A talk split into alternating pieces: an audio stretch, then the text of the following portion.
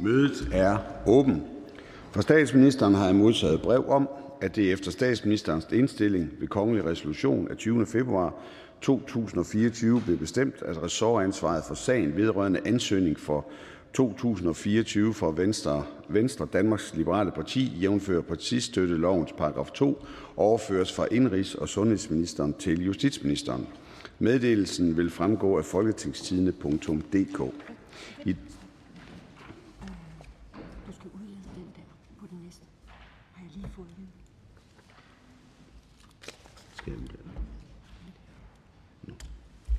I dag er der følgende anmeldelser: Morten Messerschmidt med flere beslutningsforslag nummer 125 om at fremme solceller på offentlige og industrielle tage og undgå solceller i naturen. Carl Valentin med flere beslutningsforslag nummer 127 om, at landbruget selv skal dække omkostningerne ved sygdomsudbrud i dyreproduktionen. Titler på de anmeldte sager vil fremgå af folketingstidene.dk. Det første punkt på dagsordenen er: anden behandling af lovforslag nummer L 95: Forslag til lov om ændring af lov om social service, lov om retssikkerhed og administration på det sociale område og forskellige andre love. Af social- og boligministeren. Der er stillet ændringsforslag. Ønsker nogen at udtale sig? Da det ikke er tilfældet, er forhandlingen sluttet, og vi går til afstemning. Ønskes afstemning om ændringsforslag nummer 1-15, tiltrådt af et flertal udvalget med undtagelse af Kim Edberg Andersen ude for grupperne? Vedtaget. Hvis ikke afstemning begæres, betragter jeg ændringsforslag nummer 16 uden for betænkningen af social- og boligministeren som vedtaget. Det er vedtaget. Jeg foreslår, at lovforslaget går direkte til tredje behandling uden fornyet udvalgsbehandling, og hvis ingen gør indsigelse, betragter dette som vedtaget. Det er vedtaget. Det næste punkt på dagsordenen er: første behandling af beslutningsforslag nummer B 82: Forslag til folketingsbeslutning om en revision af den uafhængige politiklagemyndighed. Af Karina Lorentzen og Astrid Carøe Forhandlingen er åben, og den første, der får ordet, er justitsministeren.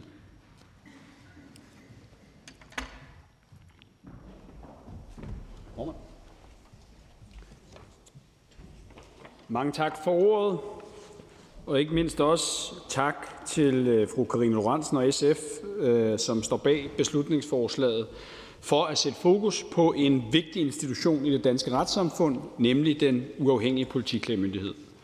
Politiklagemyndigheden spiller en central rolle i retssystemet.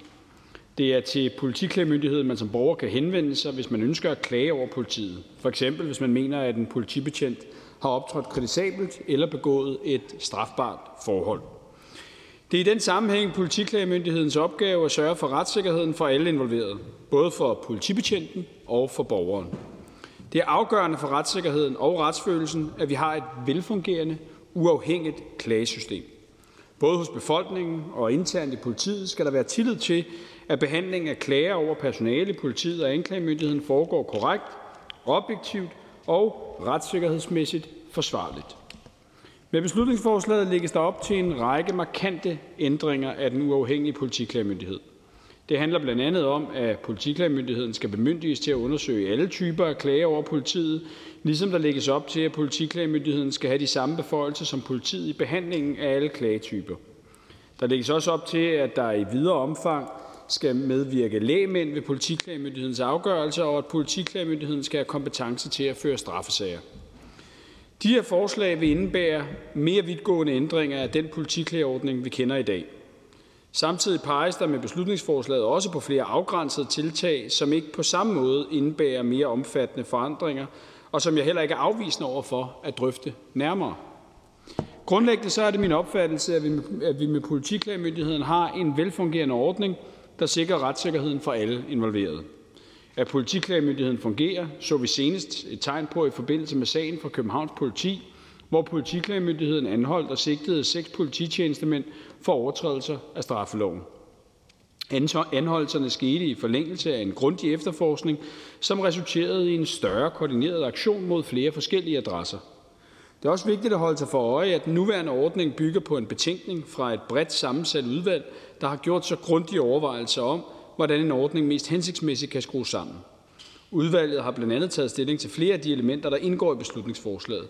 Det drejer sig f.eks. om, hvilken typer af klager politiklagemyndigheden skal kunne behandle. Det drejer sig også om, hvilke beføjelser politiklagemyndigheden skal have, samt hvem der skal rejse tiltale i de straffesager, som politiklagemyndigheden i dag har kompetencen til at efterforske. Om spørgsmålet om tiltalekompetence bemærkede udvalget eksempelvis, at en overdragelse af tiltalekompetence til politiklagemyndigheden var retssikkerhedsmæssigt betænkeligt, i det det indebar en risiko for usaglig forskelsbehandling af polititjenestemænd og andre borgere. Der er på den måde allerede tænkt godt og grundigt over de her spørgsmål, og de grundige overvejelser har resulteret i en ordning, hvor der både tages højde for retssikkerheden hos borgeren, der har klaget over politibetjenten, men også den politibetjent, der er genstand for sagen. Derfor kan regeringen heller ikke støtte beslutningsforslaget. Men at regeringen ikke kan støtte beslutningsforslaget som fremsat, betyder imidlertid ikke, at regeringen er kritisk over for alle elementer af forslaget. Tværtimod er det min opfattelse, at beslutningsforslaget indeholder interessante elementer, som jeg ikke er afvisende over for at drøfte nærmere med retsudvalget. Her tænker jeg på muligheden for at indhente videoovervågning i adfærdsklager eller muligheden for at tilføre politiklagemyndigheden flere ressourcer med henblik på at nedbringe sagsbehandlingstiden. Men jeg kan ikke bakke op om en grundlæggende og omfattende forandring af det eksisterende klagesystem. Diskussionen om, hvordan vi kan sikre det bedst mulige klagesystem for både borgere og betjente, er både relevant og vigtig. Jeg er derfor glad for, at Socialistisk Folkeparti har taget initiativ til den her diskussion. Jeg er også glad for, at Retsudvalget har besøgt politiklagemyndigheden i deres lokaler i Aarhus for at blive klogere på politiklagemyndighedens arbejde. Jeg kan også forstå, at politiklagemyndigheden som opfølgning på Retsudvalgets besøg er inviteret til et møde i Retsudvalget forventeligt her i marts. Det synes jeg er positivt. Ved at fortsætte den gode dialog både her i Folketinget og med politiklagemyndigheden får vi skabt et godt fundament for en eventuel beslutning om en styrkelse af ordningen. Tak for ordet. Tak for det. Og der er foreløbig to korte bemærkninger. Først fru Karina Lorentzen Denhardt, Socialistisk Folkeparti. Værsgo. Ja, tak. Øh, jeg er selvfølgelig glad for, at der er et par elementer, øh, som ministeren øh, siger, at det vil han gerne kigge på. Men jeg tror, der, hvor mit hjerte mest ligger, det er de her adfærdsklagesager, som jo er dem, der tit involverer magtanvendelser, som kan se voldsomme ud. Og det betyder jo ikke, at de er ulovlige eller unødvendige. Øh, men øh, hvis en borger mener sig udsat for vold, øh, så vil man jo forvente, at der skete en eller anden reel efterforskning eller afdækning af forløbet. Og i dag håndteres adfærdsklagesagerne ved, at man øh, som borger skriver en klage, så bliver den sendt til politibetjenten, som så også svarer på klagen, og så bliver, træffer man en afgørelse. Jeg tror ikke, det er hensigtsmæssigt, at man kører i det her forvaltningsretlige spor altid. Så kunne ministeren øh, øh, fortælle mig, hvad er den principielle modstand mod at give de samme gode redskaber, som man har i straffesager, til de her adfærdsklagesager? Ministeren? Jamen, altså, jeg, jeg tror først og fremmest er det vigtigt i hele den her diskussion at sige så mange gange, som man overhovedet kan, øh, at politiklagemyndigheden det er altså en uafhængig myndighed, som har mandat til, som ordføreren rigtig spørger ind til, at behandle både klager over personale i politiet øh, og anklagemyndigheden, det vil sige adfærdsklager, og også til at efterforske straffesager mod personale øh, i politiet og anklagemyndigheden. Og helt grundlæggende, altså, så synes jeg jo, at hvad det her angår, der har vi et, øh, et fornuftigt afbalanceret øh, system, som også tager højde for øh, retssikkerheden over dem, der bliver klaget over, såvel som også tager de klager, der kommer ind, øh, meget, meget seriøst. Fru Karina Lorentzen Dehnhardt.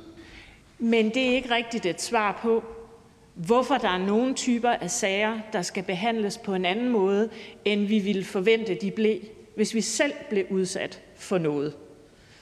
Så har vi jo faktisk øh, en mulighed for at lave en anmeldelse til politiet, som efterforsker og undersøger. Og jeg siger ikke, det altid bør være sådan i adfærdsklagesager, for der er sikkert rigtig mange af dem, hvor man øh, godt kan leve øh, med den Øh, hvad kan man sige, forvaltningsretlige øh, hvad hedder det, praksis, som man har i dag. Men de her sager bliver ikke efterforsket. For eksempel når en borger mener sig udsat for vold. Det synes jeg er et problem, øh, og jeg savner simpelthen svar på, hvorfor kan de ikke få de samme redskaber som i straffesagerne.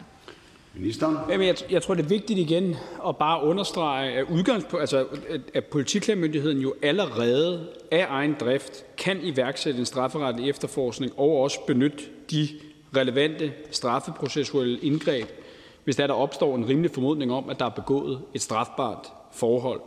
Men der er ikke nogen tvivl om, at hvis man skulle gøre det, som fru Karina Lorentzen foreslår, øh, nemlig at give de samme værktøjer som i efterforskningen, øh, så vil det altså rejse en lang række principielle spørgsmål. Øh, og derfor så er vi ikke enige i, øh, i, i den holdning, som øh, ordføreren har.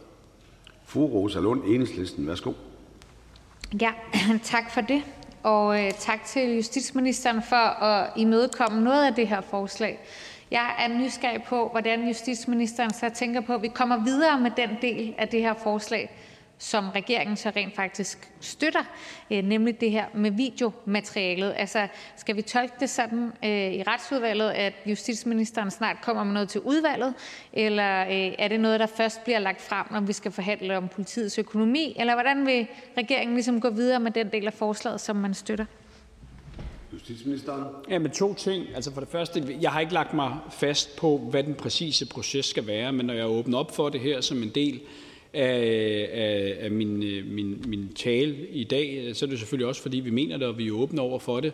Øh, om det så betyder, at vi indkalder til nogle egentlige drøftelser, eller at vi deltager i en møderække i, øh, i retsudvalget, hvor vi kan drøfte det, det, det synes jeg, vi lige må afklare nærmere, men jeg synes klart, der skal arbejdes videre med det. Øh, derudover vil jeg også sige, det har jo været diskuteret meget, også på, på samråd og lignende, øh, altså de øh, ressourcer, som, øh, som den uafhængige politiklagemyndighed til rådighed. Og det er jo også derfor, allerede sidste efterår blev det besluttet at, øh, at tilføre flere ressourcer. Det kan man mærke, øh, mener jeg nok, her fra 1. februar, i form af, at der er blevet ansat flere årsværk. Øh, og vi arbejder også øh, aktuelt øh, på, øh, om ikke der også skal tilføres flere ressourcer endnu, fordi det har jo også været et af kritikpunkterne, og et kritikpunkt, som jeg godt forstår. Fru Rosa Lund. Et andet kritikpunkt har jo også været, om den uafhængige politiklagemyndighed i en eller anden grad ender med at blive politiet, der undersøger politiet. Og det kan jo gøre noget for tilliden til den uafhængige politiklagemyndighed.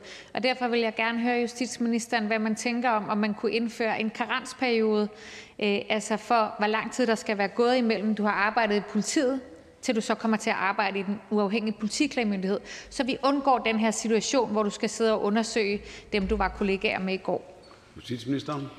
Altså med, med forbehold for, at jeg ikke har taget øh, fuldstændig stilling til det spørgsmål, så er jeg da klart villig til at, at drøfte det videre. Det vil jeg til gengæld ville være øh, meget, meget, meget forbeholden overfor. Det vil være at drøfte et synspunkt om, at det ikke må være tidligere politifolk, som indtræder i en anden stilling og kan blive ansat som, øh, som hvad hedder det, ansatte i den uafhængige politiklagemyndighed. Fordi det, vi jo kan høre også fra altså velrenommerede politiforskere, det er, at det rent faktisk er en fordel i det system, vi har i det danske, at det er folk, der rent faktisk kender til politiets arbejdsforhold og de situationer, man havner i. Og der er ikke flere korte bemærkninger, så vi siger tak til justitsministeren. Vi starter nu på rækken af ordfører. Den første ordfører, som får ordet, er hr. Bjørn Brandenborg fra Socialdemokratiet. Tak for det, formand. Det er afgørende for vores retsstat, at vi som borgere har tillid til vores politi, som hver dag går på gaden for at sikre vores tryghed. Det er heldigvis i høj grad også tilfældet. Som en del af det er det selvfølgelig også vigtigt, at man som borger skal kunne klage over politiet, hvis man eksempelvis føler sig dårligt behandlet. Her i Danmark har vi til at håndtere den slags sager den uafhængige politiklagemyndighed. Og det er så den, som forslagstillerne foreslår, at vi ændrer kraftigt på i det her forslag. Til det kan jeg sige, at vi i Socialdemokratiet grundlæggende mener, at øh, politiklagemyndigheden fungerer efter hensigten, og derfor ser vi heller ikke det samme behov som forslagstillerne for at ændre fundamentalt på ordningen, og vi støtter dermed ikke beslutningsforslaget. Men vi synes, det er rigtig fint, at forslagstillerne sætter emnet på dagsordenen. Politiklagemyndigheden har som sagt en vigtig funktion i vores retssamfund, og derfor skal vi selvfølgelig forholde os til den og drøfte muligheder og forbedringer, så vi har ordning, som fungerer øh, bedst muligt. Det er nogle af de drøftelser, som vi altid vil være en del af. Tak for ordet. Tak for det. Jeg får lige en kort bemærkning. Fru Karina Lorentzen Dengenhardt, Socialistisk Folkeparti. Værsgo.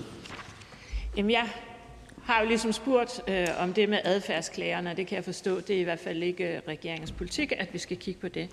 Men øh, jeg kunne godt tænke mig at høre Socialdemokraternes retsordfører om, øh, at, øh, synes retsordføreren, det er et problem, at der er flere advokater, øh, herunder i øvrigt øh, Moderaternes øh, retsordfører, som tilfældigvis også øh, er advokat, som siger, det kan ikke betale sig at klage øh, til politiklagenævnet. Øh, det synes jeg er et kæmpe problem, at der direkte er advokater, som siger, det giver slet ikke mening. Kunne det ikke give anledning til, at vi øh, lavede en øh, lidt større undersøgelse af det her? Øh, antallet af klager er jo steget, men øh, medholdsprocenten øh, er faldet drastisk, og vi har sådan set ikke nogen idé om, hvorfor det forholder sig sådan. Så kunne det ikke give mening at nedsætte en arbejdsgruppe her, som undersøgte det her nærmere i et forsøg på at finde nogle løsninger, så advokater trygt kunne sige til deres klienter, selvfølgelig skal I klage. Hr. Bjørn Brandenborg. Ja, men, men det er jeg ikke enig i, altså, fordi jeg synes sådan set også, at vi har øh, også på det seneste set konkrete eksempler på, at politiklagemyndigheden jo faktisk gør lige præcis det, den skal. Altså, det er ikke længe siden, at man så en sag fra København, hvor øh, seks øh, betjente øh, desværre er blevet tiltalt for øh, jo at have begået kriminelle handlinger på deres, øh, på deres arbejde. Så det mener jeg ikke entydigt, man kan sige. Jeg synes også selvfølgelig som, øh, som en, en, den største selvfølgelighed, at man skal lytte til, når der kommer øh, nogle bekymringer fra nogle advokater, der arbejder med det her til daglig. Jeg mener bare ikke, man kan sige, at det skulle være udtryk for, at det generelt skulle være et problem. Og jeg synes heller ikke, man kan sige, at bare fordi der er en større stigning af antal sigtelser, så skal der nødvendigvis også være flere afgørelser. Sådan behøver øh, tingene ikke hænge sammen. Det bare nødvendigvis så skal være flere sager, hvor man øh, får medhold som klager. Det, Man har ikke ret på at få øh, medhold i sin klage, fordi man selv synes, at, at man, man har ret. Sådan kan man ikke gøre det op.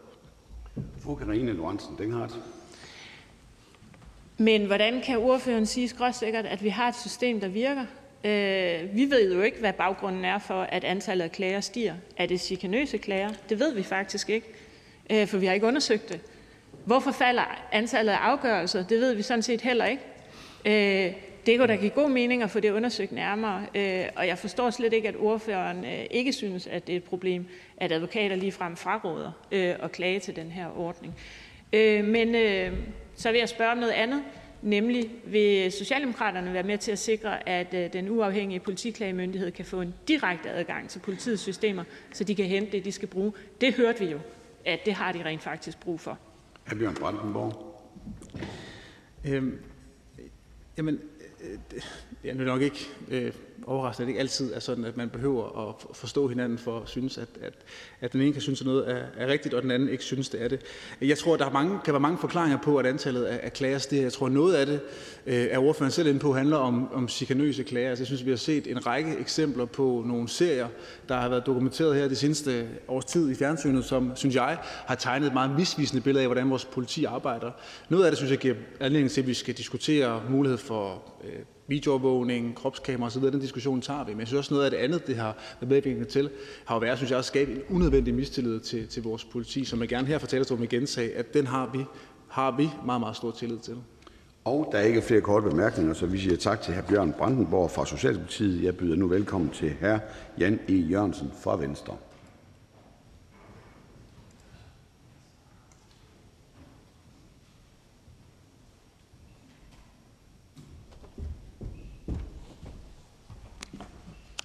Tak for ordet, og tak til SF øh, for beslutningsforslaget, som sådan kort fortalt øh, jo altså beskæftiger sig med en hel del. For det første så opfordres regeringen til at sætte gang i en proces, der skal etableres et indstrengt klagesystem over politiet. Det skal sikres, at den uafhængige politiklagemyndighed, altså DUP'en, får mulighed for at undersøge alle klager over politiet. Det skal sikres, at DUP'en får samme muligheder som politiet til at efterforske alle sager, hvor der skal medvirke lægemænd ved afgørelsen, og endelig så skal lovforslaget fremsættes i 2024. Det er en ordentlig mundfuld, øh, og man kan selvfølgelig godt undre sig lidt over, at det i en tid, hvor den generelle tillid til politiet er rekordhøj, hvilket også fremgår af forslagets bemærkninger og en artikel i Politiken, 28. juni 2023, det vil sige altså for mindre et år siden, at vi skal behandle øh, et sådan forslag nu. Men det skyldes selvfølgelig mange ting, herunder mange enkeltsager, og ikke mindst den tv-dokumentar, som øh, forslagsstillerne også øh, peger på, som blev vist på Danmarks Radio for nogle måneder siden angående en øh, asylfamilie øh, fra Vejle. Og jeg ville sådan ønske, at forslagsstillerne ikke havde bragt den øh, dokumentar frem, fordi det er vel nok en af de mest øh, kritiserede dokumentarudsendelser, som Danmarks Radio har bragt i mange år, hvilket ikke siger så lidt. Øh, man springer i alle klip baggrundsorienteringen over, og vi får kun enkelte, som den ene part selv har udvalgt, et klip at se. Og den ene part, altså asylfamilien, har der også aktiveret kameraer, nærmest som om man på forhånd ved, hvornår der måtte blive ballade, hvornår en person ringer til kommunen og truer familien Øh, til tavshed osv. osv. Og hvad det, øh, som det allergroveste, øh, så er der jo en klar insinuation af, at politiet i den grad er ansvarlig for en drengs forsvinden. Man oplever, hvordan øh, godmodige øh, borgere eftersøger drengen i en skov, samtidig med at familien altså udmærket ved, at drengen befinder sig i god behold i øh, Tyskland. Jeg synes, det er ret rystende, og øh, om produktionsselskabet har viden om det, det kan jeg selvfølgelig ikke vide, men jeg synes, det er en rystende dokumentarudsendelse. Ikke øh, rystende i forbindelse med politiets optræden, men i forbindelse med, øh, hvad man lader slippe igennem øh, Danmarks Radio. For det så ikke skal være løgn, så bare lige for at lægge ekstra øh, på, så har man så i forbindelse med øh, dokumentarudsendelsen øh, lige lagt lidt ekstra kunstig lyd ind over, øh, så det lyder som om, at der er nogle voldsomme spark øh, og andet. Produktionsselskabet er senere gået konkurs, og øh, så en vis form for højere retfærdighed er der dog øh, til stede. Men og beklager, at det var et sidespor tilbage til selve forslaget. Øh, hvis det er denne dokumentar, der skal være den basis for en øh, revolution af DUBens aktiviteter, så er det ikke seriøst. Men det betyder ikke, at der ikke kan være noget at se på, og vi er bestemt ikke i Venstre afvisende over for at se på de øh, mange klager, der er kommet, for eksempelvis advokater, som anbefaler deres klienter ikke at klage, som føler, at klagesager ikke bliver behørt og grundigt øh, behandlet, herunder eksempelvis, at den uafhængige politiklagemyndighed ikke øh, i mange tilfælde har set på videooptagelser. Selvom videooptagelser jo ikke giver det fulde billede, så giver de jo i hvert fald et delbillede, og det er altså ret besynderligt, at øh, man ikke ønsker at øh, gøre brug af det. Og der kunne vi jo også ved en øget brug af øh, kropskameraer til politiet øh, sikre, at duppen jo får klare muligheder for at se og høre, hvad der er sket, også optakten og de situationer, som politiet jo altså øh, skal reagere under.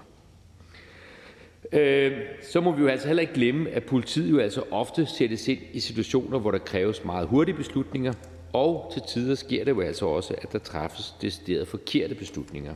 Og de skal selvfølgelig klarlægges og vurderes, men det burde altså kunne ske i det nuværende system, som er et produkt af et omfattende tidligere udvalg, udvalgsarbejde for et sagkyndigt udvalg, og i øvrigt så jo altså gerne suppleret med de tekniske hjælpemidler, der er mulighed for at bringe anvendelse i dag. Politiet er udstyret med et voldsmonopol. Det skal anvendes med stor øh, forsigtighed. Der skal være proportionalitet, og der skal være mulighed for at klage, og klager skal tages øh, alvorligt.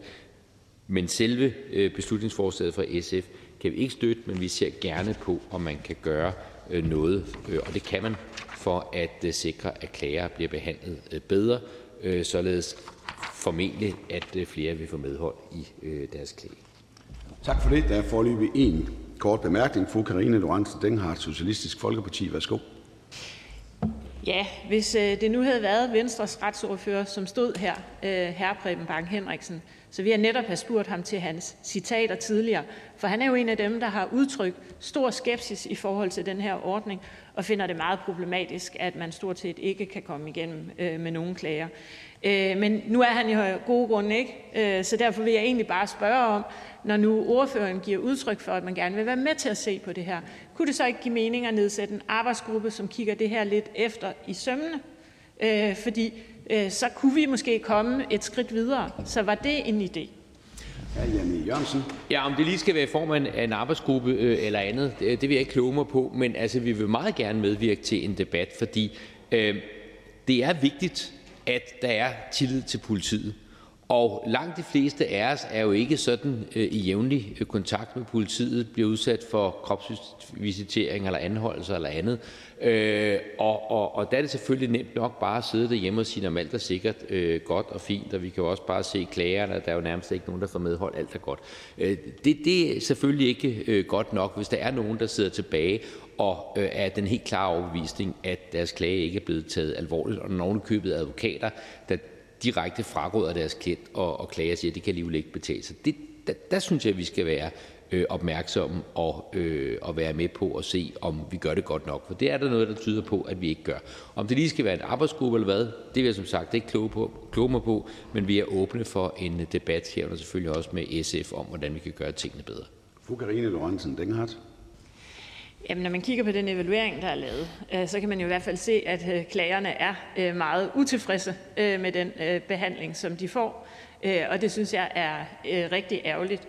Og jeg tror, at en af udfordringerne ligger i, at i adfærdsklagerne, det er jo typisk dem, vi diskuterer, det er dem, der optræder video af, som bliver delt rundt på nettet, at de kører et forvandlingsretligt spor.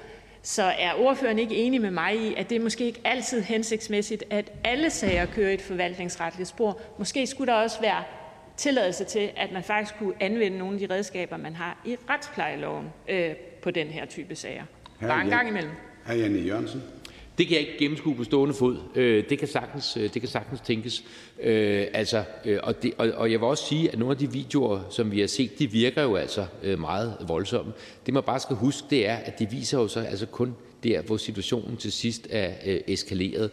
Og derfor de her kropskameraer, der optager under hele forløbet, vil jo altså være en, en kæmpe hjælp. Jo også for den politimand, der muligvis måtte være øh, anklaget for noget øh, urimeligt. Så øh, det vil være i alles interesse at få bedre bevismaterialer til grund for bedømmelsen af de her sager. Og der er ikke flere korte bemærkninger, så vi siger tak til hr. Janne Jørgensen fra Venstre. Jeg byder nu velkommen til hr. Steffen Larsen fra Liberal Alliance. Mange tak, her formand. Ja, den politi, uafhængige politiklagemyndighed er jo et øh, smertens barn i mangen dokumentar og mangen program for tiden. Og øh, det gør jo også, at man er nødt til at tage det lidt alvorligt, hvad det er, der foregår. Men lad os så starte med at kigge på noget af det, som jo faktisk foregår ude på gaden, og det er magtanvendelsen, fordi det er jo magtanvendelsen, der er mange klager over. Og det er jo forståeligt, fordi det er jo her, hvor borgeren reelt set møder retsstaten i personificeret form igennem en politibetjent. Og magtanvendelse ser aldrig pænt ud. Det er en ting, som vi måske er lidt blinde over for i øh, den bredere middelklasse, tror jeg, hvor vi jo kan sidde beskyttet og pænt og egentlig aldrig har noget med magtanvendelsen at gøre. Men det er sådan, at det ser aldrig pænt ud. Slet ikke nu, når vi alle sammen har fået mobiltelefoner i lommen, når vi går alle sammen og optager. Ja, så kan vi optage alt det grimme, der foregår, og det ser ikke pænt ud, hvis der sidder tre politibetjente i gang med at nedlægge en forbryder. Det ser voldsomt ud, men det er fordi, det er det. Det er voldsomt. Det er jo en ekstrem situation, når en politibetjent skal have fat i en person, uanset i hvilken forbindelse det er. Nå. Men når vi så har sagt det, og der er ikke nogen grund til at gå i panik over den magtanvendelse, den finder sted nødvendigvis. Så skal vi også tale om de steder, hvor magtanvendelsen måske er gået over gevind. For det er jo her, hvor politianklagemyndigheden i hvert fald burde løfte sin opgave. Og vi er enige med forslagstillerne i en række ting. Blandt andet det her med, at det burde være kun et spor, man klager i. At der skal være flere adgangsveje til at klage, hvor man kan klage, øh, så man faktisk ikke bliver hørt, hvis man kommer til at klage den forkerte vej det er jo et problem. Det er jo ikke en måde at have en klagevej til øh, for borgerne. Og så kan jeg jo glæde her Janne Jørgensen med, at øh, Liberal Alliance har stillet et beslutningsforslag omkring kropskameraer på, til politiet, så det kan man jo komme ned og stemme for, hvis man synes, at det er så god en idé, som jeg kunne forstå. For det vil vi gerne have i Liberal Alliance. Vi vil gerne have en bedre dokumentation af, hvad er det, der sker, når politiet laver magtanvendelse, og vil gerne have, at den dokumentation også indgår i politiklagemyndighedens arbejde. Og så er det jo også således, at øh, ja, politiklager, at vi synes jo, at det er en, en vigtig sag, fordi det er retsstatens møde med borgerne, og der er der nødt til at være, at det magtmonopol, som politiet har, at det bruges korrekt. At det voldsmonopol, det bruges korrekt. Det er en af de vigtigste ting, for at vi kan have tillid til retsstaten. Men der er også nogle ting i det her forslag, som vi synes er øh, konkrete på en måde, hvor vi ikke nødvendigvis synes, at det giver de rigtige hegnspæle omkring tingene. Så vi er også i den situation, at vi i Liberale Alliance ser på forslaget øh, som værende, at det måske hellere skulle være et forslag, der lagde op til forhandlinger, end det lagde op til nogle meget konkrete punkter. Så for nuværende stiller vi os skuld til det, og jeg har nogle spørgsmål, som jeg også gerne øh, ser, at vi tager i udvalgsbehandlingen af forslaget, som kan være, at vi skifter vores position, men det kan jo også være, at vi gerne vil gå med til en beretning omkring forslaget. Øh, det tror jeg meget gerne, vi vil, hvis vi kan finde på en eller anden fælles beretning til det. Så øh, vil vi i Liberal Alliance gerne det. Tak for det. Der er en enkelt kort bemærkning. Fru Karina Lorentzen Danhardt fra Socialistisk Folkeparti. Værsgo. Jeg synes, det er fair nok, at der er ting, øh, som man har øh, spørgsmål til. Jeg synes i virkeligheden, det bedste, vi kunne gøre, det ville være at nedsætte en arbejdsgruppe, øh, og så kunne der blive arbejdet mere i dybden med det her forslag. Men jeg vil gerne høre Liberal Alliance ind til det her med, at da vi var på besøg i, i Dubben, der, der sagde de jo, at de vil gerne have en direkte adgang til politiets systemer. Altså, det er lidt omvendt at skulle bede dem om at finde ting frem øh, hver gang når de i virkeligheden bare kunne hente det, de har brug for. Synes Liberal Alliance, det er en god idé? Ordføreren? Ja, det synes vi. Øh, hvis man skal, øh, om man vil, kontrollere noget, øh, og man kan jo sige, at øh, DUBens funktion er jo at kontrollere den udøvende magt og fungere som en kontrol af det, så er de også nødt til at kunne kigge den udøvende magt efter i kortene og se ind i deres systemer. Det er jo realiteten, at det skal man kunne. Øh, og derved vil de jo også kunne tilgå, hvis der nu er alting er sat korrekt ind under en sag, så vil man også kunne tilgå alle politiets egen sagsakter om sagen, eventuelt videodokumentation, alt muligt andet, de har hentet ind. Og det vil jo være nyttigt for politiklagemyndigheden at have det og have den adgang. Så ja, det synes jeg da absolut, de skal. Åbenhed i retsplejen må vi insistere på. Tak for det. Og der var lige en enkelt kort bemærkning igen. Fru Karina Lorentzen Denhardt, værsgo. Det er jeg rigtig glad for. Øh, jeg håber også, at regeringen vil lytte godt efter i forhold til den del, fordi at, øh, det mener jeg må være en minimums øh, arbejdsgang for den uafhængige politiklagemyndighed.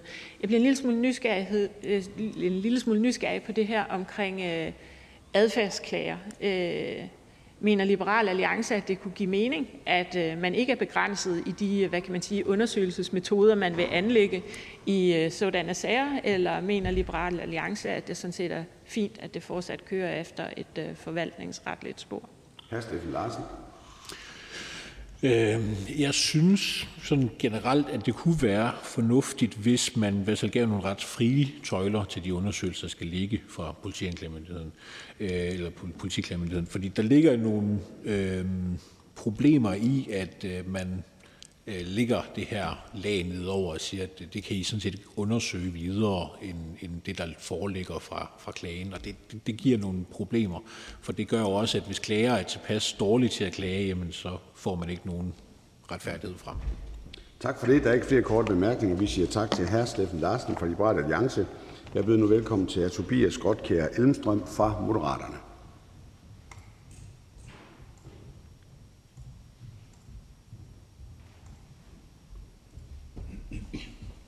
Tak for ordet.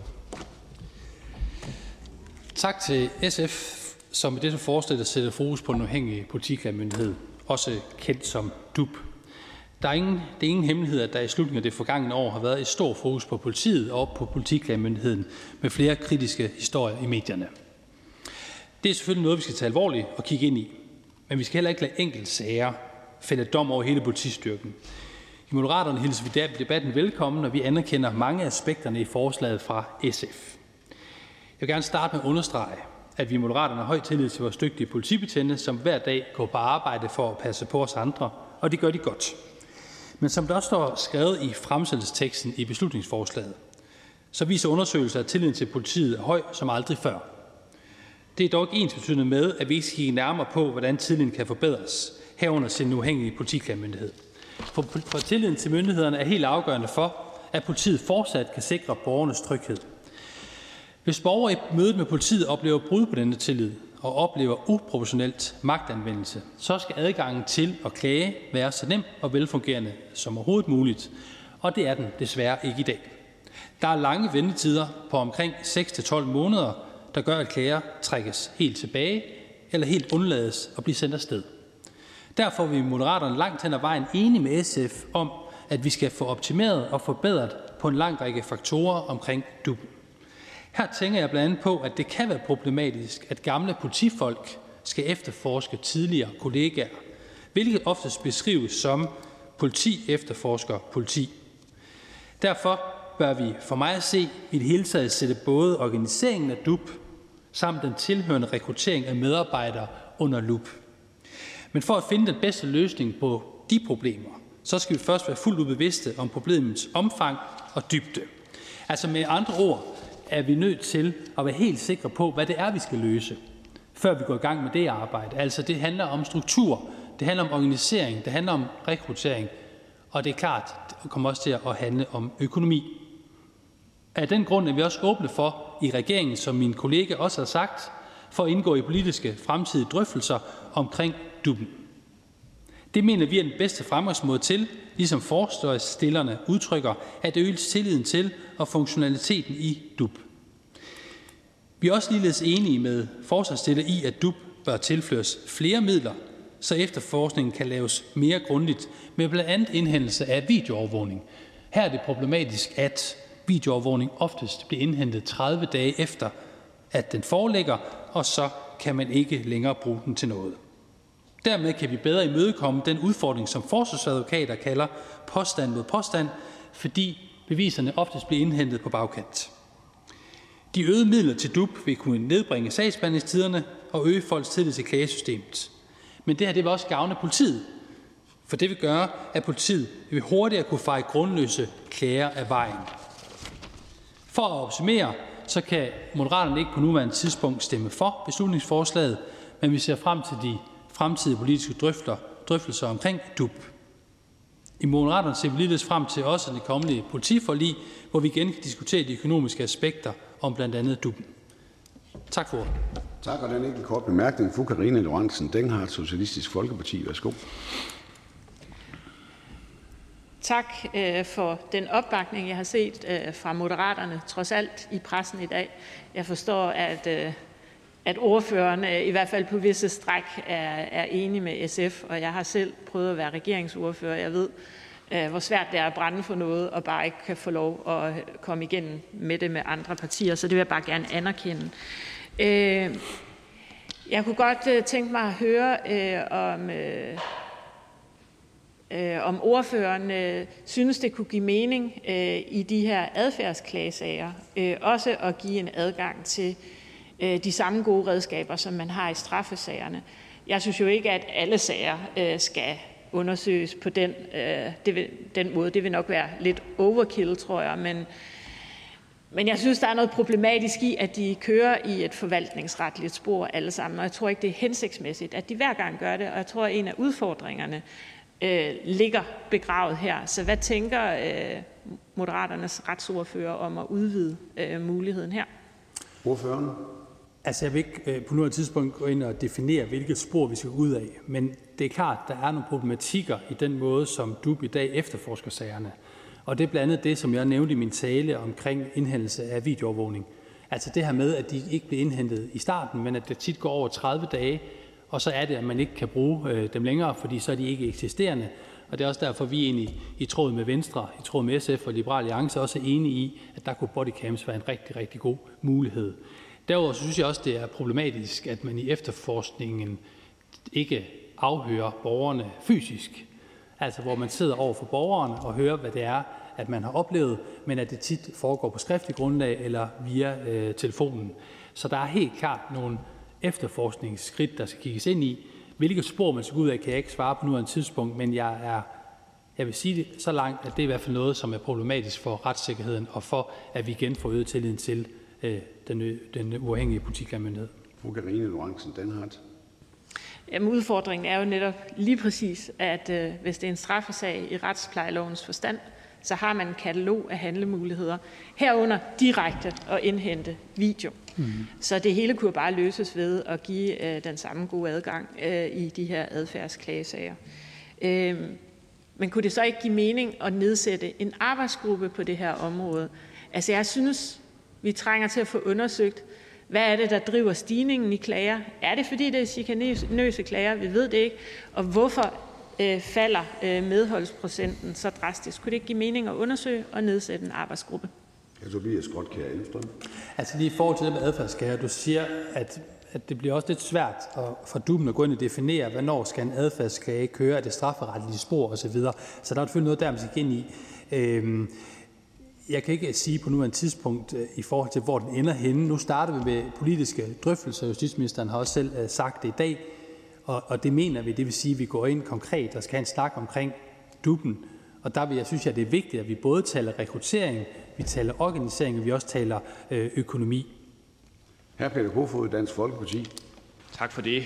Ordføreren for Moderaterne lægger vægt på slettefristerne for videokameraer. Det har tidligere ordfører på talerstolen også gjort så kan man jo gøre det på den måde, at duppen eller andre, der skal kontrollere alt efter, hvad et flertal i Folketinget finder ud af, kan gøre det hurtigere. Men der er jo også den mulighed, at vi bare skubber slettefristen.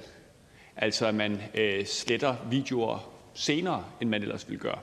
Så i stedet for 30 dage, eller i stedet for 14 dage, eller hvad fristerne nu er rundt omkring i vores samfund, så kunne man bare skubbe og sige, så har du to måneder, eller tre måneder. Fordi så hindrer man jo, at potentielt vigtigt øh, bevismateriale går tabt og bliver slettet. Er det ikke en, øh, en sådan mindelig god løsning, som Moderaterne kunne gå ind for? Ordføreren? Nej, jeg vil hellere se ind i, hvordan du håndterer de her videooptagelser. Altså, at man får en henvendelse fra en borger, der har klaget over en politibetjent, og så er der ligesom nogle efterforskningsskridt, som skal opstartes. Og når man ved, at der går 30 dage før, at videoovervågningen bliver slettet, så mener jeg, at man inden de 30 dage skal indhente videoovervågning. Jeg ser ikke på nuværende tidspunkt en mulighed i, at man skal til at sætte fristen op for, hvor lang tid de her videoovervågninger skal øh, være øh, aktive. Hr. Peter Kofod. Spørg, så det fordi, at, at det måske bare virker mindre vidtgående og mindre besværligt at sige, at man får en uge mere. Det vil jeg jo ikke synes var et overgreb på mig som borger, hvis jeg bliver går på en S-togstation og bliver så, øh, må de gemme optagelsen i x antal dage, hvis man så havde lov til at gemme den x antal dage mere, syv dage for eksempel, eller 14 dage. Det vil jeg nok ikke føle var noget overgreb. Men det kunne være, at det var nemmere at lave det system om, end at kaste ud i at bruge meget store ressourcer på at lave et andet klagesystem om. Så det var bare et spørgsmål om, at vi måske havde det bevismateriale øh, og kunne bruge det mere praktisk. Men det går man altså ikke ind for. Ordføreren? Jeg har den opfattelse, at man skal holde den tidsfrist, der er i forvejen. Man skal huske på, at videoovervågning bruges jo ikke kun i altså i dubbens sagsbehandling. De bruges jo også i, i straffesager og i politiets arbejde i øvrigt. Øhm, så øh, for nuværende så, så fastholder vi standpunktet omkring, at de 30 dage det er passende. Tak for det. Der er ikke flere korte bemærkninger. Vi siger tak til Tobias Grotkær Elmstrøm fra Moderaterne. Jeg byder nu velkommen til fru, fru Bettina Kastbjerg fra Danmarksdemokraterne.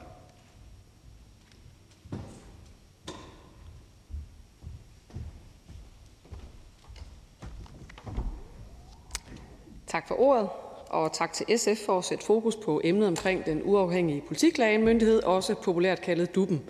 Ikke mindst set i lyset af de mere eller mindre savlige udsendelser, der har været på tv. Det er vigtigt, at øh, befolkningen har tillid til politiet, og det viser undersøgelser jo også, at 87 procent af borgerne har. Men det er lige så vigtigt, at vi sikrer vores betjente et godt psykisk arbejdsmiljø, og det kan være svært med de lange sagsbehandlingstider, der er hos Duppen. Ofte så er sagsbehandlingstiden over et år, og i den periode kan en betjent være suspenderet eller være pålagt ikke at have, med, have borgerkontakt, og det kan være psykisk kort for den enkelte betjent. Og vi har jo heller ikke nogen interesse i at sætte en betjent ud af spillet i længere tid end højst nødvendigt. I dag der er det også fuldstændig omkostningsfrit at komme med beskyldninger over for en politibetjent, og det kunne jo være, at man kunne afhjælpe sagsbehandlingstiderne, hvis man indførte en bagatelgrænse eller et mindre gebyr for at klage. Duppen bør også vejlede om falske klager kan have konsekvenser for den, der klager, og i den forbindelse kunne det være fint, hvis vi kunne få sat nogle tal på, hvor mange der bliver retsforfulgt for falske anklager mod politibetjente. I nogle af tv-udsendelserne der så vi også, at betjente blev udstillet på sociale medier med navn og adresse, og i værste tilfælde der var de nødt til at flytte med deres familier til en midlertidig bopæl. Problemet er også, at politibetjentenes fulde navn og adresse figurerer på rapporter, vidnefortegnelser osv. Det burde man måske øh, ændre, så det blot er fornavn og deres markeringsnummer. SF påpeger i deres beslutningsforslag forskellige emner, som der bør kigges på, og i den forbindelse så vil jeg gerne opfordre øh, forslagstiller til, at vi kunne ende det her beslutningsforslag i en beretning, og så i den forbindelse bede justitsministeren om at indkalde til drøftelser om eventuelle ændringer eller tiltag, man kunne tage. Og det kunne jeg jo høre, at justitsministeren var åben over for i, i salen. Og derudover så, så tænker jeg også, at det kunne være relevant, at vi øh, kigger på, om duppen har de øh, fornødne ressourcer til det antal klager, de modtager. Og det er forhåbentlig også noget, vi kan drøfte ved kommende forhandlinger til et øh, nyt politiforlig. Og så ser jeg frem til, at vi kan drøfte forslaget yderligere i øh, udvalget. Tak for det. Der er en enkelt kort bemærkning. Fru Karine Lorentzen Denhardt fra Socialistisk Folkeparti. Værsgo. Jamen, tak for det, og tak for imødekommelsen. Jeg er selvfølgelig øh, altid optaget af at lave en beretning. Kunne det give mening, at øh, man nedsatte en arbejdsgruppe her, som rent faktisk kiggede ind i det? Øh, vi ved jo ikke ret meget om, hvad der driver stigningen i klager, øh, og hvorfor øh, medhold falder. Jeg synes, det kunne give god mening at få undersøgt øh, det nærmere. Øh, og det er jo en af de ting, som er årsagerne til, at advokaterne siger, det kan ikke betale sig at klage. Og det synes jeg faktisk er øh, lidt problematisk. Så kunne det give mening? Ordføreren. Jeg har det sådan lidt nogle gange, at øh, vi nedsætter arbejdsgrupper til alverdens ting, og så går der to år, inden der sker noget. Så derfor vil jeg faktisk hellere opfordre til, at øh, justitsministeren kalder ind til nogle drøftelser, hvor vi kan få input fra de forskellige parter, og så se, om der i den forbindelse er noget, som vi forholdsvis nemt kan, kan ændre på, som kunne, øh, kunne afhjælpe de her problemer, som vi ved, at DUB'en har i forhold til, hvor lang tid en, øh, en sag tager, inden den er afklaret osv. Fru Karina Lorentzen Denghardt. Det er jo fair at have det synspunkt. Øh, jeg tror bare, øh, belært af, af mange års erfaring som retsordfører, at arbejdsgrupper oftest er den vej, øh, man kan ja, sikre, at øh, der er lidt fremdrift i sagerne. Nå, men jeg vil egentlig spørge til det andet her med, om, om retsordføreren for Danmarksdemokraterne også synes, at den uafhængige politiklagemyndighed skal have en direkte adgang til politiets systemer. Øh, jeg synes jo, det giver god mening, at de kan indhente det, de skal bruge for uden ophold. Ordføreren. Jamen, øh, jeg var jo også med på besøget hos, øh, hos Duben i Aarhus og hørte jo også deres ønsker omkring det, så det tænker jeg, at det bestemt er noget, vi også godt kan se positivt på. Og der ikke er flere korte bemærkninger, så vi siger tak til fru Bettina Kasbjerg fra Danmarksdemokraterne. Jeg byder nu velkommen til fru Helle Bonnesen fra Det Konservative Folkeparti.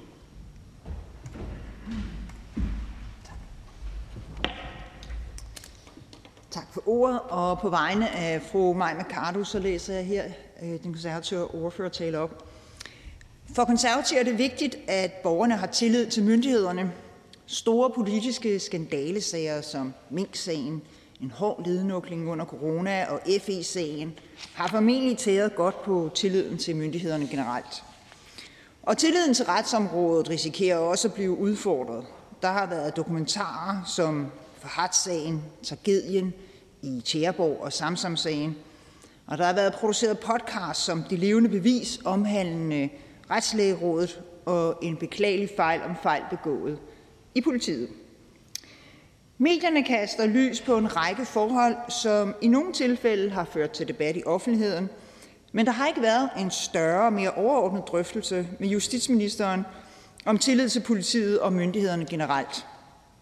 SF skriver i beslutningsforslaget, Forslagsstilleren har ikke viden om, at den uafhængige politiklagemyndighed ikke skulle have fungeret i de pågældende sager, men konstaterer blot, at dokumentaren har skabt debat og risiko for mindre tillid til systemet. I konservative har vi heller ikke viden om, at den uafhængige politiklagemyndighed ikke fungerer, som den skal, og vi deler bekymringen om, at de mange sager i medierne risikerer at sætte tilliden under pres.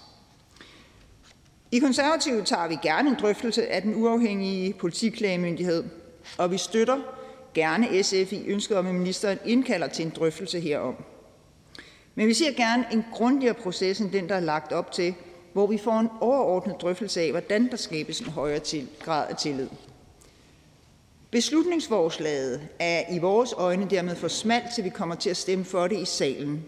Vi ønsker at få afdækket og analyseret, hvilke konsekvenser der vil være, hvis alle dispositionsklager flyttes til den uafhængige politiklagemyndighed. Kommer der øget ventetid? Giver det overhovedet mening at rykke alle dispositionsanklager? Vil det udvande de opgaver, som den uafhængige politiklagemyndighed har i dag? Det fremgår ikke af beslutningsforslaget. Vi mener dog, at SF rejser en vigtig debat, og vi vil gerne række positivt ud til at finde fælles fodslag om en beretningstekst i retsudvalget, hvor regeringen pålægges at lave de vigtige analyser, der kan ligge til grund for en mere konkret drøftelse af, hvordan den uafhængige politiklagemyndighed styrkes. Herunder, om det er muligt at forbedre rammerne til gavn for borgerne, og forhåbentlig med den konsekvens, at tilliden stiger. Tak for det. Der er ingen korte bemærkninger, så vi siger tak til fru Helle Bonnesen fra Det Konservative Folkeparti. Jeg byder nu velkommen til fru Rosa Lund fra Enhedslisten.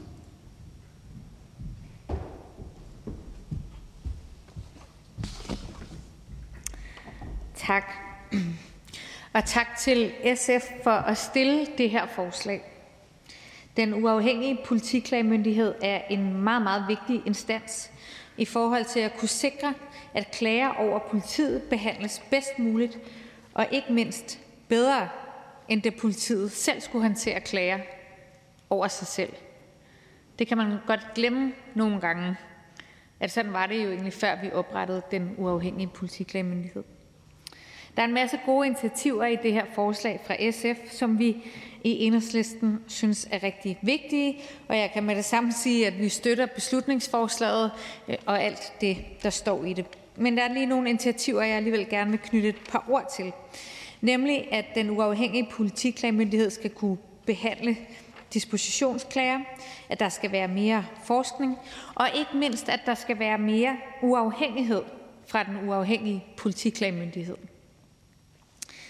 Det er alt sammen elementer, vi støtter varmt, som jeg sagde før, men særligt den sidste er vigtig for os, fordi den uafhængige politiklagemyndighed skal jo ikke bare være uafhængig af navn, den skal også være det af gavn.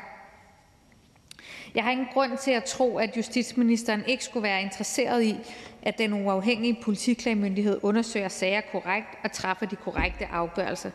Det tror jeg faktisk ministeren er meget interesseret i. Det synes jeg også var den øh, fremlæggelse, øh, som ministeren holdt i sin tale, og at der, det jo også var tydeligt, at regeringen gerne ville imødekomme dele af det her forslag. Vi kan jo så i Enhedslisten undre os over, at man ikke øh, bare så indkalder til forhandlinger med det samme. Samtidig kan jeg godt forstå, vil jeg så sige, at flere borgere har en tiltagende mistillid mod offentlige myndigheder, og særligt måske til politiet, når det handler om muligheden for at klage. For det system, vi har fået sat op, er simpelthen ikke godt nok. Og den mistillid handler jo ikke kun om det konkrete, der sker, men bare det, at vi overhovedet har en diskussion af, om man kan stole på den uafhængige politiklagemyndighed eller ej, er jo med til at rejse den mistillid hos borgerne. Og for at systemet kan fungere, er tilliden nok det allermest afgørende, og det i sig selv synes jeg jo vil være et argument for at vedtage SF's forslag, som om noget vil styrke tilliden til den uafhængige politiklagemyndighed. Det er ikke nok, at en øh, klageinstans, som er så vigtig, blot formelt er uafhængig. Den skal også se ud, som om den er uafhængig. Og derfor vil, synes vi i Enhedslisten også, at det vil være en rigtig god idé at indføre en karensperiode på en vis længde, sådan så at man som borger ved, at det ikke er politiet, der sidder og undersøger dem, der var deres kollegaer. I går jeg er sådan set enig med justitsministeren i, at det har stor værdi, at dem, der sidder i den uafhængige politiklagemyndighed, også selv har efterforsknings erfaring. Jeg synes bare, at det, der kunne give god mening, var, at man indførte en karensperiode, så vi sikrer, at man ikke øh, sidder ja, og undersøger dem, som var ens kollegaer i går. Vi synes i Enhedslisten, at det her beslutningsforslag er øh, rigtig godt arbejde af SF, og vi støtter det fuldt ud og glæder os både til, at regeringen inviterer til forhandlinger eller en møderække i udvalget, eller hvordan det nu ender med at se ud, og til udvalgsbehandlingen. Tak. Tak for det. Der er ingen korte bemærkninger, så vi siger tak til fru Rosa Lund fra Enhedslisten. Jeg byder nu velkommen til fru Zenia Stampe fra De Radikale Venstre.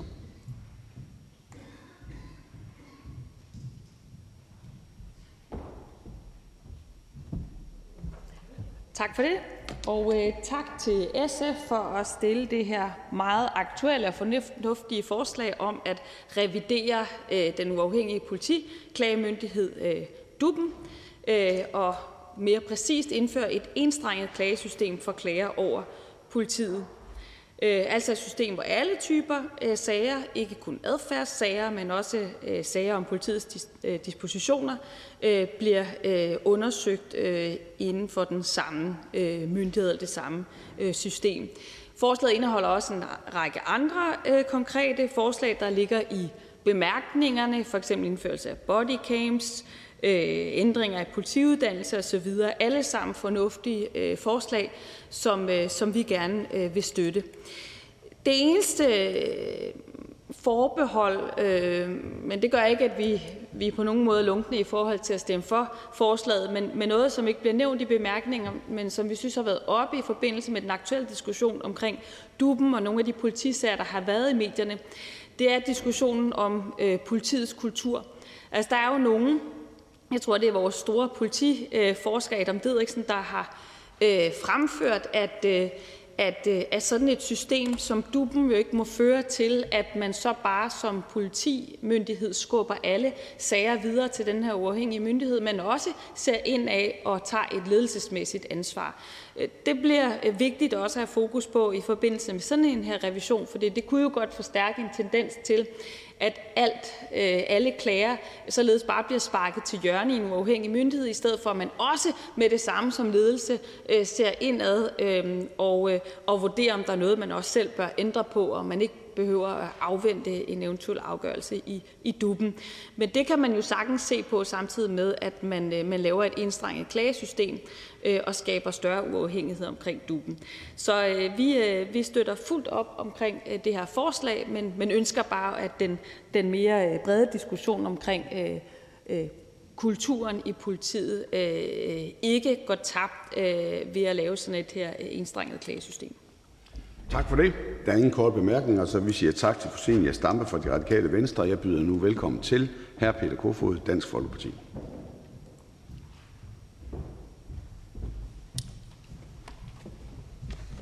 Tak for det, formand, og tak til Socialistisk Folkeparti for at fremsætte det her beslutningsforslag, der jo giver os anledning til at diskutere øh, politiet og øh, hvordan vi holder øje med øh, politiet.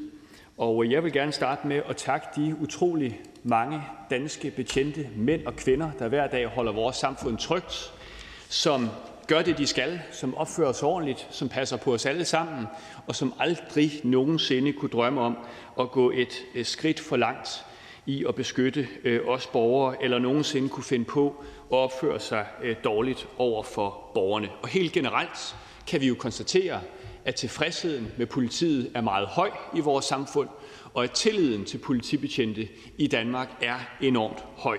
Det er værd at glæde sig over. Jeg er enormt ærgerlig over, at der i det her beslutningsforslag refereres til øh, den meget omtalte dokumentar øh, for DR. I virkeligheden er det jo et program, som DR har købt, og det vil nok også være en skam i virkeligheden at kalde det øh, en dokumentar. Det er i hvert fald øh, meget, meget stærkt vildledende, øh, det politiet blev udsat for. Det er sådan nogle delforklaringer og delklip, og noget af det er endda også manipuleret. Men det har givet anledning til, at politifamilier i det her land har været på flugt og ikke kunne øh, bo hjemme ved sig selv på grund af trusler og alt muligt andet. I virkeligheden så er det jo ikke en retspolitisk diskussion, så burde det være en mediepolitisk diskussion, hvordan det kan være sandheden eller tilfældet, at Danmarks Radio sender sådan en gang vrøvl ud i æderen til os alle sammen. Det er jo en kæmpe skandale. Og hvis det skulle rejse en diskussion, så ville det være, hvilke muligheder har vores myndigheder egentlig for at svare tilbage, når en dokumentar kører over skærmen og tydeligvis giver et fuldstændig forkvaklet indblik i politiets arbejde eller i konkrete sager. Der er ikke så mange muligheder. Men det skal jo ikke hindre, at vi har en diskussion om, hvordan vores myndigheder øh, skal forholde sig, hvad det er for nogle krav og forventninger, vi borgere kan have, når vi mødes af politibetjente. Og derfor så synes jeg faktisk, at det er en, egentlig en interessant øh, diskussion, øh, meget af, af det her. Flere ordfører før mig har jo nævnt muligheden for at inddrage og bruge øh, bodycams. Det synes jeg egentlig langt hen ad vejen er ret fornuftigt, hvis man gør det. Jeg anser det ikke øh, bare for øh, sikring af folk, der møder politiet, men jo i høj grad også en beskyttelse af, af dygtige politibetjentes faglighed. Øh, og en beskyttelse af, af dem. Så det vil vi meget gerne være med til at udforske. Det er ikke sikkert, at det lige skal være i regi af en arbejdsgruppe øh, eller i regi af en diskussion i Folketingssalen. Det kunne også være en, en forhandling eller en samtale i politiforligskredsen eller i retsudvalget øh, efterfølgende. Øhm, men vi har ikke tænkt os sådan umiddelbart at støtte forslaget her, men vi tager selvfølgelig øh, gerne diskussionen om, hvordan vi kan gøre det bedre, både for politiet, men også for borgerne, også at sørge for, at der er en kontrol, hvor der er nogenlunde balance i det. Jeg ved godt, der i beslutningsforslaget øh, står, at der er mange borgere, der er utilfredse, når de klager med politiet. Bare fordi man er utilfreds over, hvordan en klage bliver behandlet, er det jo ikke sikkert, at man har ret i den klage. Og når jeg taler med politibetjente, så er der bestemt også mange, der er kritiske over den behandling, man får i duppen. Så der er jo en balance øh, i de her øh, ting. Så vi kommer ikke til at stemme for beslutningsforslaget, men det er jo ikke et nej til at, at diskutere, hvordan vi kan gøre det her bedre i fremtiden. Tak. Tak for det. Der er ingen korte bemærkninger. Vi siger tak til Peter Kofod fra Dansk Folkeparti. Jeg giver nu ordet til ordføreren for forslagsstillerne, fru Karina Lorentzen Denghardt, Socialistisk Folkeparti.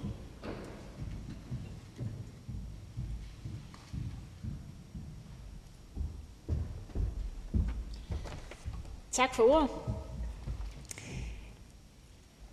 Jeg tror egentlig, at den uafhængige politiklagemyndighed gør det så godt, som de kan med de redskaber, som de nu engang har for hånden. Og den debat, som jeg egentlig prøvede at rejse i dag, den handler rigtig meget om de redskaber, som de ikke har, men som de burde have. Men øh, hvis man skal diskutere forbedringer af den uafhængige politiklagemyndighed, så skal man nok altid indlede salgstalerne med, at vi har et godt politi. Og det mener jeg faktisk også er et ærligt hjerte, at vi har. Og jeg tror ikke på, at politifolk går på arbejde hver dag for at uddele knibbelsuppe eller udøve unødig magt øh, over for borgerne. Jeg tror faktisk, man bliver politimand for at hjælpe andre, øh, og det gør de fleste også hver eneste dag. Så skal de tænke rigtig hurtigt, når de tumler rundt med fyldebøtter, når de håndterer bandemedlemmer, eller øh, syge mennesker, meget syge mennesker med sindslidelser. Hver eneste dag skal de tage stilling øh, til ting med meget lidt tid til at tænke i, og også meget ofte under ikke-ideelle forhold. Og det tager jeg hatten af for. Det går godt, og det gøres professionelt øh, næsten altid. Men vi bliver jo også nødt til at tale om, at politifolk også er mennesker, som begår fejl, som trods professionalitet, ligesom alle andre, kan miste besindelsen, lade en finke rydde af panden, har en dårlig dag og lader det skinne igennem, eller måske går for langt i magtudøvelsen.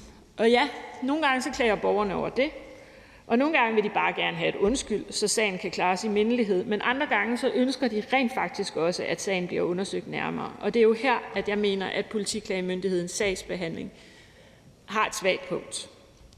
For de sager, vi tit diskuterer, er jo de sager, som også undersøges, hvad kan man sige, ringest eller øh, mindst grundigt. Det er de magtanvendelser, øh, som borgerne filmer, og hvor de mener, at politiet går for langt, og som kan opleves unødigt voldsomme, og som går viralt i medierne.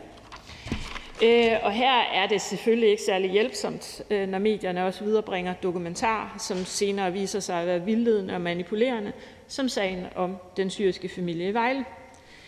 Det skaber bare unødige brister i tilliden til politiet, og ikke mindst så udløste det helt voldsom og uacceptabel chikane mod betjentene og deres familier.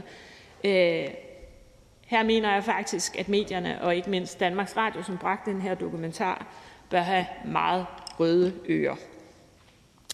Magtanvendelser er jo sjældent kønne, men det er jo langt fra det samme som, at de er ulovlige og forkerte. Politiet skal jo kunne gribe relevant ind, hvis borgeren er voldsom, og vi bliver nødt til at så og også at anvende den fornødne magt for at stoppe vedkommende. Men de sager, som behandles som adfærdsklager, de kører i et forvaltningsretligt spor, og det betyder, at borgeren ikke afhøres øh, som hovedregel. Man indgiver øh, klagen på skrift, og så må man jo håbe, at borgeren øh, kunne finde ud af, hvordan øh, han så skulle gøre det. Øh, og det forelægges politimanden, som så også svarer på skrift, øh, og heller ikke nødvendigvis høres. Og så træffer man afgørelsen. Og det betyder, at der ikke er de samme gode redskaber til at undersøge sagen, som hvis det efterforskes strafferetligt. Edition, aflytning, direkte indhentning af videomateriale osv. Og jeg siger ikke, at man altid skal anvende de allerskarpeste værktøjer i retsplejeloven hver eneste gang. Det tror jeg vil være alt, alt for meget. Men det virker bare ikke hensigtsmæssigt, at det altid skal køre i det her forvaltningsretlige spor, og hvorfor. Jeg har ikke kunne se nogen steder i forarbejderne, hvorfor man har valgt øh, lige præcis den løsning. Og jeg kan heller ikke se de gode begrundelser for, at vi skulle nægte øh, politiklagemyndigheden at kunne indlede en undersøgelse med de værktøjer, øh, som, øh, øh, som man bruger i, i andre sager. Det må alt andet lige give et helt andet grundlag for at vurdere en sag, end det, der indhentes i et forvaltningsretligt spor. En klageordning, skal man jo huske, skal jo være til for borgerne. Det er jo derfor, vi har øh, den her klageordning, og den skal være stærk, øh, når det gælder klager over en myndighed, som også kan anvende magt. Og så skal den tilbyde selvfølgelig også en ordentlig retssikkerhed for betjenten, øh, men det giver retsplejeloven jo også øh, ret præcis. Der er rigtig mange betjente, som siger, at det hænger lidt over en sky, sort sky, øh, som, øh, som hænger over hovedet på den, øh, når DUB'en har deres sager. Det er hårdt og belastende, fordi sagsbehandlingstiden er lang, øh, og det bliver vi selvfølgelig også nødt til at gøre noget ved, og det handler om ressourcer. I 2017 blev politiklageordningen jo evalueret. Det er syv år siden. Den viste grundlæggende, at øh, tilfredsheden med klagerne øh, var faldende. Øh, det synes jeg er tankevækkende. Øh, og jeg synes, det er også tankevækkende, at andelen af klagere, som får medhold sidenhen, er faldet stødt, mens antallet af klager er stigende. Hvad er årsagen til den forandring? Det synes jeg da som minimum, vi burde være nysgerrige på at få undersøgt nærmere.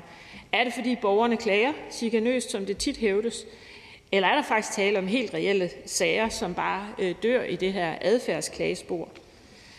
Og kan vi egentlig leve med, at advokater fraråder at klage, fordi man aldrig får medhold? Og i hvert fald aldrig, hvis der ikke er videomateriale. Så hørte vi jo selv, da retsudvalget var på besøg i Duben, at, øh, at de gerne vil have en direkte adgang til politiets systemer, så de selv kan hente det, de har brug for, uden ophold. Hvorfor har de egentlig ikke det? I dag skal de forstyrre politiet for at få ud, for dem til at udlevere materialet, og skal så vente på, at de gør det. Øh, det synes jeg, øh, vi burde kunne løse. Og hvorfor skal de i adfærdsklagesagerne øh, leve med dårligere redskaber til at undersøge øh, påstået vold fra en politibetjent? Alle andre steder i samfundet vil vi da forlange en efterforskning, hvis vi udsættes for vold. Det gør øh, patienten i psykiatrien. Det mener, der mener, at lægen har taget for hårdt fat. Det gør vagten i centret, som bliver skubbet til. Det gør læreren, der får en knytnæve i ansigtet. Ja, Øhm, så jeg synes egentlig, at det er, det er lidt sølle, at vi ikke engang kan blive enige om, øh, og at ministeren ikke tilbyder en arbejdsgruppe, som kan kigge lidt nærmere på politiklagemyndigheden. Øhm, jeg, skal, jeg har været lidt tilbage i gemmerne og kigget citater, øh, da vi behandlede det tidligere forslag. Jeg var også øh, med, eller til den her politiklagemyndighed, dengang var jeg også selv med som ordfører. Øh, og det, det er jo meget sjovt, at dengang der øh, sagde øh, Venstre og Konservative øh, for eksempel også, at de var da sådan set meget tilfredse med den politiklagemyndighed, vi allerede havde, men de kunne jo godt støtte, at vi fik en ny politiklagemyndighed. Må ikke vi er et sted her igen, hvor vi godt kunne trænge til at kigge det lidt øh, efter i øh, sømmene. Øh, og jeg har jo også noteret mig, at Preben Bang Henriksen, øh, hr. Preben Bang Henriksen, Venstres retsordfører, har sagt, at han synes, det er dybt øh, beklageligt, når advokater siger, at det ikke kan betale sig at klage. Derfor kan der være god grund til at kigge på den måde, på den måde øh, politiklagemyndigheden er indrettet på. Ja, og så er der jo øh, Moderaternes øh, retsordfører, som jo også har sagt, øh, det går mere på uafhængigheden, at det undrer mig, at der blandt andet er tidligere ansatte hos politi og anklagemyndighed, som kan søge ind. Øhm, jeg undrer mig måske mindre, men det handler mere om, at jeg tror, det vil være svært at finde efterforskningskompetencer, hvis ikke også tidligere politibetjente øh, kan få en ansættelse her. Men det undrer mig, at det er Justitsministeriet, der står for rekrutteringen af jurister til den uafhængige politiklagemyndighed. Det synes jeg måske øh, smager øh, knapt Øh, så uafhængigt. Jeg takker for debatten. Jeg takker for, at der er nogle elementer, ministeren øh, gerne vil kigge på. Jeg tror, vi kan komme et stykke af vejen, som øh, øh retsordføreren fra øh, Dansk Folkeparti sagde, hvis det er, at vi får en bedre dokumentation. Hvis vi rent faktisk får bodycams. Hvis vi får video øh, af, eller hvad, videooptagelse der, hvor man afhører folk øh, i detentionen, øh, der hvor man visiterer dem. Øh, hvis vi har video de steder, øh, så, øh, så tror jeg, at vi kommer et stykke af vejen. Og så skal jeg til aller, aller sidst også lige hilse fra Alternativet og sige, at de øh, støtter sådan set også det her forslag. Tak for debatten. Tak for det. Der er ingen korte bemærkninger. Så vi siger tak til ordføreren for forslagsstillerne, fru Karina Lorentzen Denghardt, Socialistisk Folkeparti. Der er ikke flere, der har bedt om ordet, og derfor er forhandlingen sluttet. Og jeg foreslår, at forslaget henvises til Retsudvalget. Og hvis ingen gør indsigelse, betragter jeg dette som vedtaget. Det er vedtaget.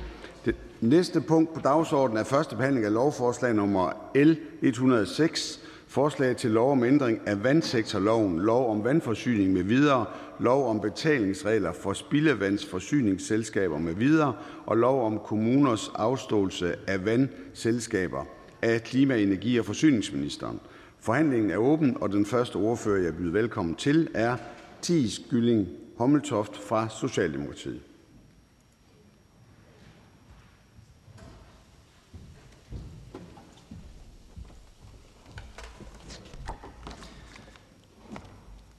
Ærede formand, tak for ordet. Vi første behandler i dag lovforslaget om styrkelsen af økonomisk tilsyn og takstkontrol med videre i vandsektoren. Vandsektoren har været og er stadig på en rejse. Vi er gået fra kommunalt ejede selskaber, hvor investeringerne dybest set blev besluttet på kommunernes budgetseminar, til i dag at være professionelt drevne selskaber, hvor investeringerne styres af målsætningerne omkring mindsket næringsstofudledning, klimatilpasning og et fastlagt serviceniveau. Lovforslaget, vi behandler i dag, er mere af teknisk karakter. Dog kan nævnes, at det kommunale taksttilsyn styrkes. For i vandsektoren arbejder øh, vi med det, man kalder monopolvirksomheder. Altså er der ikke nogen naturlig konkurrence på området selskaberne imellem, da de er knyttet til kommunegrænserne. Derfor har man valgt at opsætte et såkaldt benchmarking, som måler og vejer selskaberne, øh, selskabernes driftsøkonomiske effektivitet op mod hinanden. Det kan være sundt nok, når det gøres rigtigt, og derfor er en del af dette lovforslag, eller en forlængelse af det, også at der nedsættes et vandreguleringsudvalg, som skal komme med anbefalinger til den økonomiske regulering på området. For der er haner og pumper, vi politisk med fordel stadig kan skrue på. For verden omkring os udvikler sig. PTX-anlæg skyder op i takt med den øgede mængde grønne strøm og kræver ny infrastruktur, som sektoren også ved lov skal levere. Klimaforandringernes vildere vejr og helt synlige haven langs de danske kyster udfordrer sektoren. Og de øgede regnmængder og det stigende grundvand gør, at måden vi har gjort tingene på hidtil måske ikke er den mest optimale. Og det har været Socialdemokratiet meget magtpålæggende, at vi nu får kigget mere grundlæggende på de meget vigtige opgaver, vandsektoren leverer, ikke mindst set i lyset af de nye citationstegn, opgaver med for eksempel klimatilpasning, PFAS, pesticider med videre. Derfor hilser Socialdemokratiet lovforslaget velkommen og stemmer naturligvis for. Mange tak for ordet. Tak for det. Og der er en enkelt kort bemærkning. Fru Therese Scavenius uden for grupperne. Værsgo at spørge, om ordføreren vil forholde sig til den kritik, der er for høringssvarene, som netop nævner lige præcis de her forhold med klimatilpasning og klimatiltag og miljøtiltag som nogle af de problematikker, som det her lovforslag ikke løser. Ordføreren? Det håber ordføreren er noget af det, man kommer til at tage med i vandreguleringsudvalget, så, øh, og det de finder frem til, hvordan vi forholder os til det, også set i et økonomisk perspektiv. Fru Therese Scavenius. Men ordføreren sagde jo, at det var en begrundelse for, at Socialdemokratiet ville stemme for det her lovforslag, var lige præcis de her tiltag omkring klima og miljø. Øh, og hvordan kan det passe, når det så handler om, et, et, på et senere tidspunkt skulle man kigge på det. Så hvad er begrundelsen for, at Socialdemokratiet stemmer for det her lovforslag, i forhold til den kritik, der er lige præcis på miljø- og klimaområdet? Ordføreren? Fordi for, for ordføreren er det ikke et enten eller. Det her det går ind og... Øh, og retter nogle øh, uhensigtsmæssigheder, som, som vi ved er der, som man jo egentlig grundlæggende har været enige om. Øhm, at der så er et step 2 i forhold til klimatilpasningsproblematikkerne og den måde, vi regulerer det på, det ser ordføreren ikke som værende et, øh, et enten eller, men kan godt være et både og, og derfor går vi ind på det her. Tak for det, og der er ikke flere korte bemærkninger. Vi siger tak til Athis Kylling Hommeltoft fra Socialdemokratiet. Jeg byder nu velkommen til Jan E. Jørgensen fra Venstre. Øh, tak for det. Jeg står her som øh, hasteindkaldt øh, cykelvikar for vores faste øh, klimaordfører, der desværre er blevet syg, men jeg skal gøre det øh, så godt, som jeg nu kan. Øh, og starte med at fortælle, at vi står med et lovforslag, som handler om vandressourcer, spildevandsbehandling og altså ikke mindst klimatilpasningsprojekter. Det her lovforslag er jo så ikke en isoleret handling. Det er en del af en bredere indsats, der skal sikre, at vores vandsektor er i stand til at møde fremtidens udfordringer. Som jeg tror, alle har oplevet, så er der jo altså desværre en øh, klimaforandring, der allerede er til stede. Vi ser hyppigere meget ekstreme vejrforhold, blandt andet nogle af de skybrud, vi så i efteråret, og det kræver selvfølgelig, at vi øh, som samfund bliver bedre til at beskytte os mod øh, klimaforandringerne. Og her spiller vandsektoren en stor rolle, og de står over for ganske store øh, investeringer, specielt i klimatilpasningsprojekter. Derfor er det afgørende, at vi med det her lovforslag giver vandselskaberne nogle klare og nogle retfærdige rammer. Ved at styrke både det statslige tilsyn og de kommunale kontrolmekanismer, så sikrer vi, at selskaberne drives økonomisk ansvarligt, mens de stadig kan gennemføre de nødvendige investeringer i ny infrastruktur. Og lad mig være helt klar, det handler ikke om at øge byråkrati eller placere unødige byrder på vandselskaberne, tværtimod.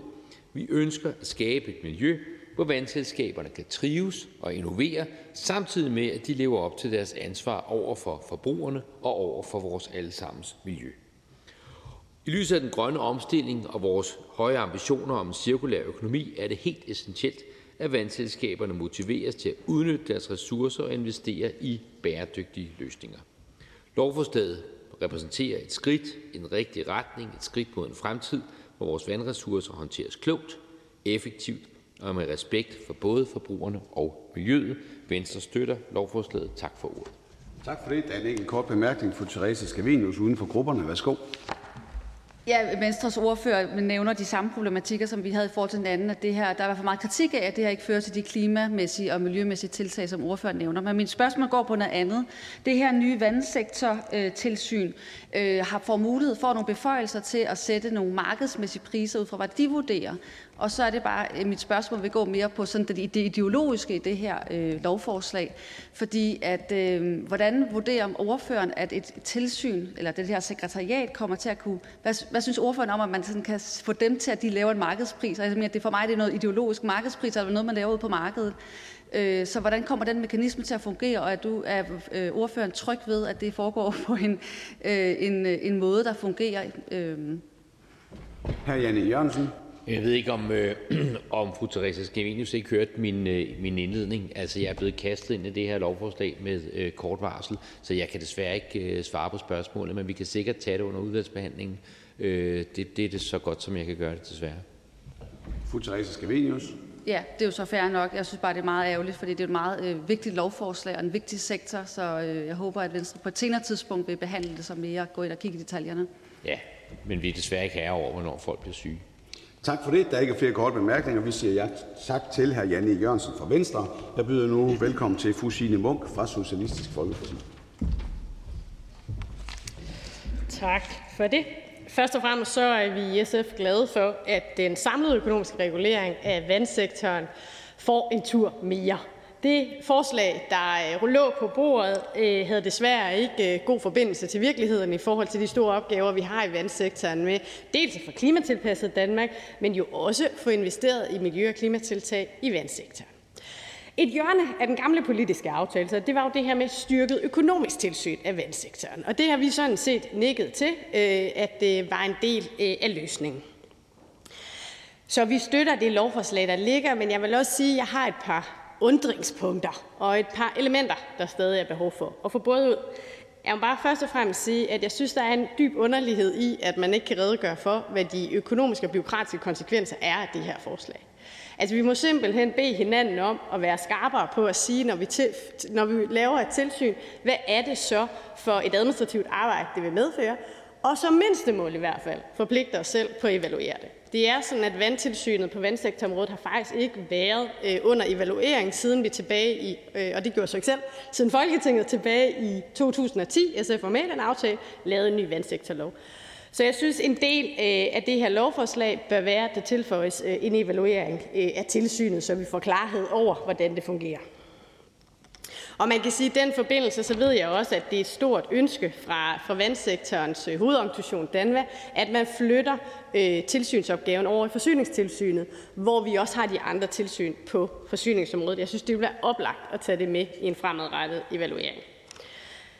Så øh, kan man sige, at øh, der er en del spørgsmål også i høringsvarene, som jo i virkeligheden vedrører sig, at vi har en økonomisk regulering i dag, som ikke tilstrækkeligt tilgodeser hverken klimatilpasning, øh, miljøtiltag, som for eksempel at man øh, tager fosfor ud af hvad hedder det, spildevandet, eller at man får lavet grundvandspakker derude. Jeg bliver bare nødt til at slå to streger under, når vi skal have en ny økonomisk regulering, så skal det kunne håndteres. Og jeg synes i virkeligheden også, at vi har en opgave i og oplyse vandselskaberne om, hvilke dispensationsmuligheder der er i den økonomiske regulering i dag til at lave projekter af den her karakter. For ellers risikerer vi, at det her vil stå bumstille i et ret sådan, tror jeg, langvarigt arbejde. Vi har foran os både med vandreguleringsudvalget, der først jo skal arbejde sammen, og øh, øh, hvad hedder det, selvfølgelig også den lovbehandling, der vil være bagefter. Al erfaring siger, at det vil tage tid.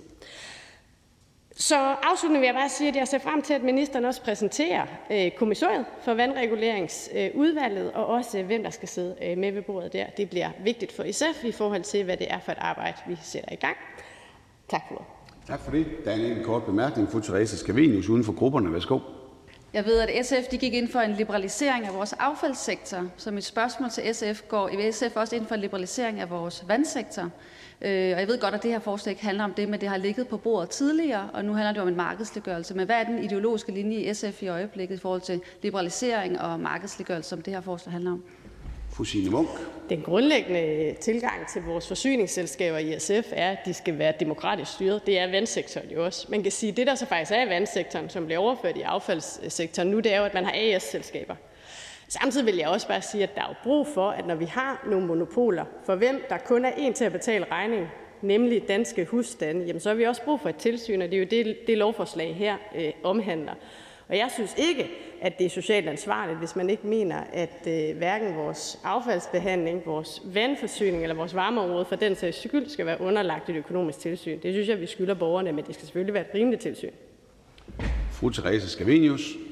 Og, og hvad betyder det i forhold til den ideologiske linje? Var det øh, for liberalisering eller imod liberalisering? Ordføreren.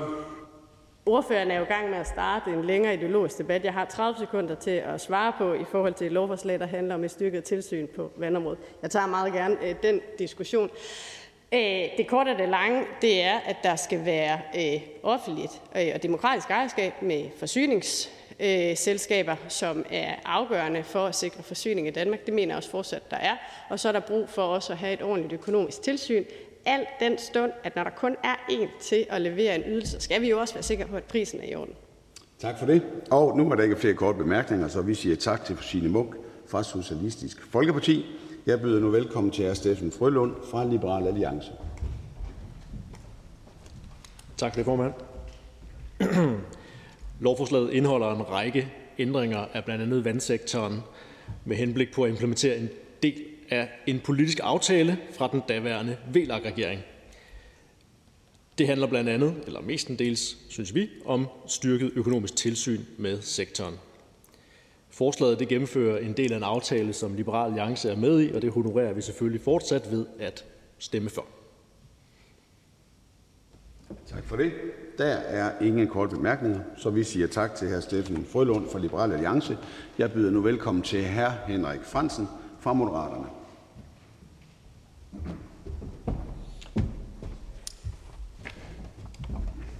Tak for ordet, hr. formand.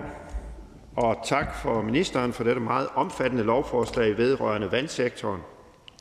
Øh, et forslag, som jo har til formål at styrke det økonomiske tilsyn i vandsektoren, øh, takskontrol osv. Lovforslaget bygger videre på den politiske aftale om justeret økonomisk regulering af vandsektoren, der i 2018 blev indgået af den daværende regering, altså VLAG-regeringen, Dansk Folkeparti, Socialdemokratiet, Enhedslisten, Radikale Venstre og Socialistisk Folkeparti, altså en meget bred aftale. Vores vandsektor, der består af naturlige monopoler, kræver en effektiv og ansvarlig økonomisk regulering for at sikre både effektivitet og overkommelige priser for forbrugerne. Det er netop dette, som lovforslaget søger at opnå. Et af hovedpunkterne i dette lovforslag handler derfor om at styrke det statslige økonomiske tilsyn, som med lovforslaget bliver omdøbt til vandsektortilsynet. Et nyt ord. Dette vil give os de nødvendige redskaber til at føre en effektiv administration og tilsyn, der sikrer, at vores vandsektor fungerer til gavn for alle. Samtidig styrker vi øh, øh, tilsyn med og håndhævelsen af regler om markedsføring i aftaler og tilknyttede virksomheder for at øge forbrugersikkerheden. Derudover vil regeringen med lovforslaget forbedre kommunernes kontrol af takster og leveringsbetingelser. Ved at tydeliggøre og styrke Øh, reglerne om kommunal kontrol sikrer vi, at vandselskabernes opkrævning af takster og bidrag sker i overensstemmelse med loven. Dette vil skabe mere klarhed og ensartethed i hele landet, samtidig med, at det fremmer konkurrencevilkårene for tilsluttede erhvervsvirksomheder og beskytter forbrugerne. Derudover vil lovforslaget forenkle processen for vandselskaberne ved at indføre muligheden for anvendelse af takster og udvide deres klageadgang. Dette vil skabe øh, mere effektive og retfærdige rammer for alle involverede parter. Endelig vil lovforslaget ændre måden, hvorpå vandselskabernes indtægtsrammer og regnskabsmæssige kontrolrammer kontrolleres, med det formål at forenkle reglerne og give vandselskaberne øget fleksibilitet. Samtidig med, at de får mulighed for at opkræve takster for tillægsberettigede omkostninger, vil de i sidste ende vil styrke deres likviditet. Lovforslaget sikrer med andre ord ikke blot en mere effektiv og ansvarlig forvaltning af vores vandressourcer, men det styrker også økonomi, vores økonomi og beskytter forbrugerne. Moderaterne støtter naturligvis L 106. Tak for det. Der er ingen korte bemærkninger, så vi siger tak til Henrik Fransen fra Moderaterne. Jeg byder nu velkommen til fru Lise Bæk fra Danmarksdemokraterne. Tak for det, hr. formand. Ja, altså som det er nævnt øh, tidligere, så er det her lovforslag, det er jo om ændring af vandsektorloven, det er et udstående punkt øh, af en politisk aftale fra november 2018 med den daværende regering og de fleste andre partier. Når man læser forslaget, så ser det jo umiddelbart fint ud. Det skal styrke det økonomiske tilsyn og takskontrollen i vandsektoren. Og formålet det er at overholde vandselskabernes øh, indtægtsramme og kontrolramme, så sektoren kan udvikle sig hensigtsmæssigt. Herunder vil man jo forenkle reglerne og give vandselskaberne øget fleksibilitet, blandt andet ved at give selskaberne mulighed for at opkræve taksmidler hos forbrugerne for tillægsberettigede omkostninger allerede det år, hvor omkostningerne afholdes, hvilket vil understøtte likviditeten i selskaberne. Men der står også, at lovforslaget det medfører varige øgede udgifter for staten. Vandsektortilsynet under Erhvervsministeriet har udgifter vedrørende forslagene om styrkelse af tilsynets økonomisk tilsyn. De samlede administrative udgifter forventes i perioden 2024-27 og udgør ca. 26,9 millioner, og fra 28 forventes de årlige varige administrative udgifter for staten at udgøre ca. 7,2 millioner. Udgifterne dækkes af vandselskaberne og dermed forbrugerne. Så derfor kunne jeg godt tænke mig, og jeg synes faktisk, at øh, SF var lidt inde på det, jeg vil gerne have et estimat på, hvad det her lovforslag kommer til at koste øh, forbrugerne. Og så kan jeg se i høringsvarene, at øh, der er faktisk rigtig mange øh, bekymringer i forhold til, at lovforslaget indeholder flere ønsker om at øh, få ministerbemyndigelse. Og det synes jeg, vi er nødt til ligesom at, at kigge på, øh, hvor omfattende det er. Fordi det vil jo også blive, gøre sådan, at Folketinget ikke har, har noget rigtig hånd i hanke med det, fordi så vil det jo bare blive bekendtgørelse fremover. Så, men jeg, så på den måde, så synes jeg faktisk, der er flere ting, vi er nødt til at lige at, at tage og få behandlet i, i udvalget. Men altså umiddelbart er vi jo positive på det her forslag. Men øh, det var bare det. Tak for ordet. Tak for det. Der er forløb en kort bemærkning. Fru Therese Scavenius, uden for grupperne. Værsgo. Jeg vil bare sige, at jeg er meget glad for, at Danmarksdemokraterne også er bekymret omkring alle de her bemyndigelser, som jo er et stort problem, fordi den her sektor er jo ekstremt vigtig, både for borgerne, men også for virksomhederne. Og hvis vi ikke har øh, en demokratisk styre med, hvad der foregår, men vi bare giver ministeren en hel masse beføjelser til, at han senere med hans embedsfolk kan finde ud af, hvad der sker, så ved vi faktisk ikke, hvordan den her sektor udvikler sig. Øh, og særligt med de her bekymringer, der er rettet i forhold til øh, selskabernes øh, retssikkerhed osv., synes jeg, det er nogle dybe bekymringer, som jeg er glad for, at der er andre, der har lyst til at forfølge. Og forhåbentlig kan vi samarbejde om det her efterfølgende. Ordføren. Tak. Det var vist bare en bemærkning, og jeg er enig. Tak for det. Spørgeren. Anden bemærkning. Frafalder. Tak til øh, ordføreren. Og så kan vi gå videre til næste ordfører, og det er konservativ Folkeparti's ordfører, og det er fru Helle Bonnesen.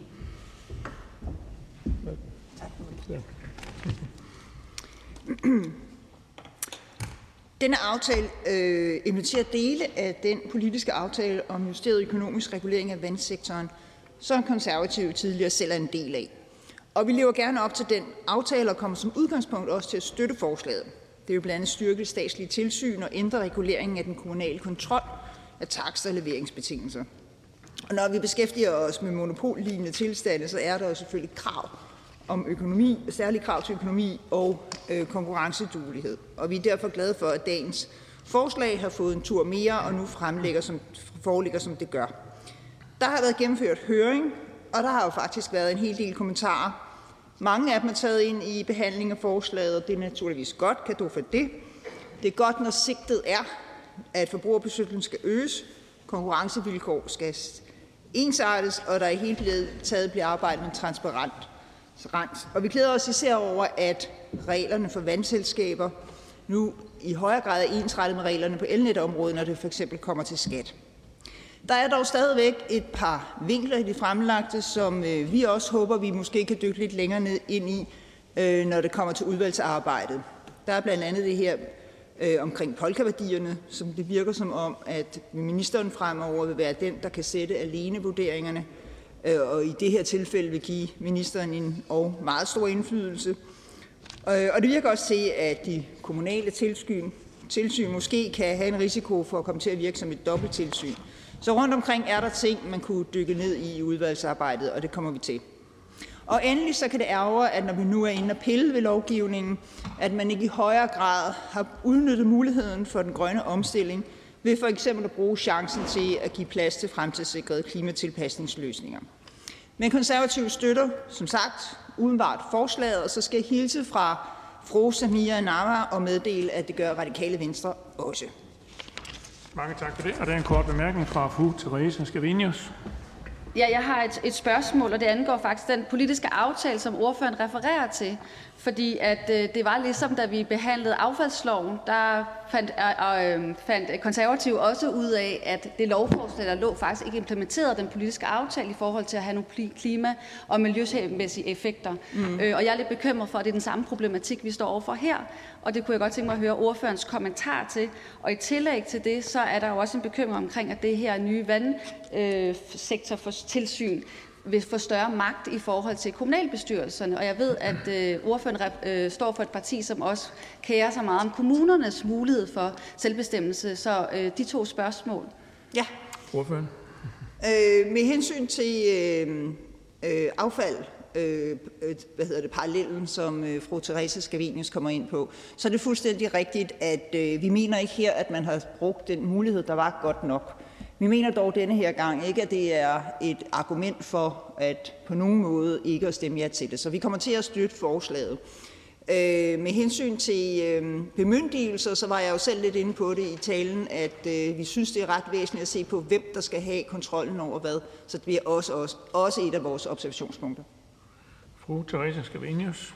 Hvordan vil ordføreren arbejde for, at vi får præciseret det og forstået det, og hvad er linjen i konservativ i forhold til bemyndigelse? Skal de nogle gange begrænses, eller hvad kan vi gøre for at få inddæmmet det problem, som ordføreren også mener, der er i forhold til det her lovforslag? Jeg synes, undskyld. Jeg synes, det fremstår som om, at der, skal, der står tvivl om, hvem der egentlig har bemyndigelsen til det, og det vil vi i hvert fald øh, forfølge. Vi kommer ikke til at forfølge, at, vi her bliver, at der kommer til at indføres flere klimatilpasnings Øh, forordninger i forslaget her, for det mener vi bliver for komplekst, men det andet skal vi i hvert fald kigge nærmere på. Tak for det. Der er ikke flere korte bemærkninger. Tak til øh, ordføreren. Og vi går videre til enhedslistens ordfører, og det er hr. Søren Egge Rasmussen.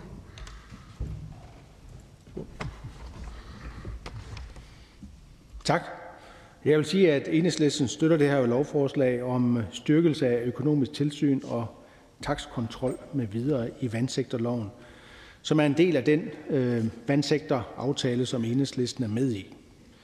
Det, som måske er mest interessant i, i, i forhold til det her lovforslag, det er jo, at det, det lykkedes at få det store lovforslag om den økonomiske regulering af vandsektoren skrottet, og der, som der står i, øh, i det her lovforslag, at der bliver nedsat et vandreguleringsudvalg, som skal se på, hvad det er for nogle opgaver, som vandsektoren skal løse fremadrettet. Og det kan jo være at sikre vores drikkevand, det kan være bedre håndtering af spildevand, det kunne være klimasikring hen på tværs af, af kommuner, og det kunne være at håndtere noget ny forurening som PFAS for eksempel. Og jeg kan forstå, at der sådan er forskellige holdninger til, øh, hvor hurtigt at det vandreguleringsudvalg skal arbejde. Der er nogen, der arbejder med miljøteknologi, som gerne ser, at man hurtigt kommer frem til en konklusion. Der er andre, der, der synes, at nu skal det gøres ordentligt. Og jeg har hørt, at det, det nok er et arbejde, der tager flere år. Og vi mangler så at se kommissoriet for det vandreguleringsudvalg. Vi mangler helt at se, hvem er der kommer til at sidde i det. Det kan jo også noget at sige. Og hvornår er det så, at øh, os, øh, de politiske partier, som er med i vandsektoraftalen, bliver inddraget? Det er ikke fordi, at øh, vi skal sidde i udvalget, men det vil jo være væsentligt, at vi bliver inddraget, øh, inden at man drager konklusioner på øh, det udvalgs arbejde. Øhm, så er der nogle nye opgaver inden for vandsektoren, som, som vi ligesom mangler at håndtere. Øh, der er nogle aktører, og blandt andet regionerne, som siger, at, at med det vandforbrug, vi har i øjeblikket, at, at der kommer vi til at mangle vand. Vi står overfor, at der bliver en brintproduktion i Danmark, som efterspørger store vandmængder, hvis ikke man får sikret, at det er renset spildevand, som i høj grad bruges der, så vil der være nogle geografiske områder, der bliver, der bliver udfordret på at kunne producere brint. Så vi står med en vandsektor, så øhm, det er fint nok, at man har en, en, øh, et øget tilsyn osv., men øh, vi har sådan set nogle store opgaver, som skal løses inden for den sektor, og det, det er der, at enhedslistens hovedfokus er. Men som sagt støtter vi det her lovforslag. Mange tak for det. Og der er en kort bemærkning fra fru Therese Skavinje. Jamen, ordføreren snakker rigtig fint om mange problematikker inden for vandsektoren, som er rigtig relevant, og som måske på et senere tidspunkt bliver løst eller kigget på. Men hvad er ordførens argument for at stemme for det her lovforslag, som jo netop ikke indeholder alle de ting, som ordføreren netop lige har øh, øh, opremset som nogle vigtige for ordføreren? Ordføreren? Det er fordi, det slet ikke er meningen, at de ting skal håndteres i det her lovforslag. Vi har sådan set haft en proces, hvor at øh, vi i aftalekredsen har diskuteret tingene, Øh, jeg fik sikret, at der blev en høring omkring øh, det vandsektorlovgivning, som var formuleret. Der var Danvær, Danske Vandværker og HOFOR og Aarhus Vand havde holdt nogle gode oplæg. Og efter den høring så kom man frem til en konklusion om, at det lovforslag ville ministeren ikke fremsende. Og skal jeg glæde mig over, at der kan være politiske sejre, også med en flertalsregering, så tror jeg, at det øh, på et eller andet sted havde en betydning, at der havde været så meget krig omkring øh, liberalisering af affaldssektoren, at, øh, at der nok var nogen, der godt kunne se, at man ikke skulle starte en ny krig med, med vandsektoren. Og så har jeg det egentlig rigtig godt med, at det bliver landet ved, at de kommende opgaver bliver defineret af et vandreguleringsudvalg, og at det ikke er med som noget klart defineret i det her lovforslag. Fru Theresa Scavenius. Jamen det vil jeg gerne takke for det gode arbejde, ordføreren har lavet, men det ændrer jo ikke på, at der stadig er problematikker i det her lovforslag, som også er relevante at kigge på. Øh, og særligt er det jo det her i forhold til bemyndigelserne, hvor der faktisk bliver et meget stort område, vi slet ikke ved, hvad der kommer til at ske. Så kan vi jo godt have nogle forestillinger eller forhåbninger til, hvad der kommer til at ske, men vi ved det jo faktisk ikke helt specifikt. Og særligt ved det her nye tilsyn eller sekretariat jo få en ret store magtbeføjelser, øh, som jo også i høringssvarene øh, bliver nævnt som nogle meget vidtrækkende beføjelser, øh, som øh, jeg er i hvert fald er lidt skræmt af. Men øh, hvordan vil ordføreren forholde sig til den kritik? Ordføreren? Jamen altså, ekstra bemyndigelse til, til en minister skal man jo altid være betænkelig ved. Øhm, jeg har noteret mig, at der er temmelig mange høringssvar til det her lovforslag, og at, øh, at, at det modtages pænt, uden at øh, lovforslaget i væsentlig karakter ændres. Øh, det, øh, hvad, fik der, hvad fik man så ud af de høringssvar? Øh, det kan jeg godt være i tvivl om. hvis der er øh, noget, der ligesom skal afklares, at vi vil give færre øh, bemyndigelser til en minister, så er, vi, så er vi helt med på at drøfte det. Mange tak. Så er der ikke flere korte bemærkninger. Tak til øh, ordføreren. Og så kan vi gå videre til Dansk Folkepartis øh, ordfører, og det er hr. Morten Messerschmidt.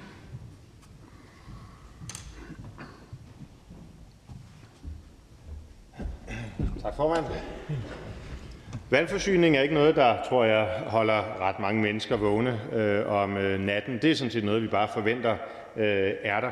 Ikke desto mindre, øh, så er det jo en helt central del af øh, vores infrastruktur, øh, og noget, vi skal takke alle de mange, som øh, bruger deres øh, ofte sparsomme fritid på, øh, og, og sikre for os mange ved at sidde i vandværkers bestyrelser rundt omkring. Øh, der er jo ikke fri, frit valg af leverandør, når det kommer til vand. Det er ikke ligesom med øh, mælk og sodavand og andre øh, drikkevarer, man kan øh, skifte leverandør. Man er ligesom bundet til dem, der nu engang på et eller andet tidspunkt har lagt rør ind til ens øh, ejendom.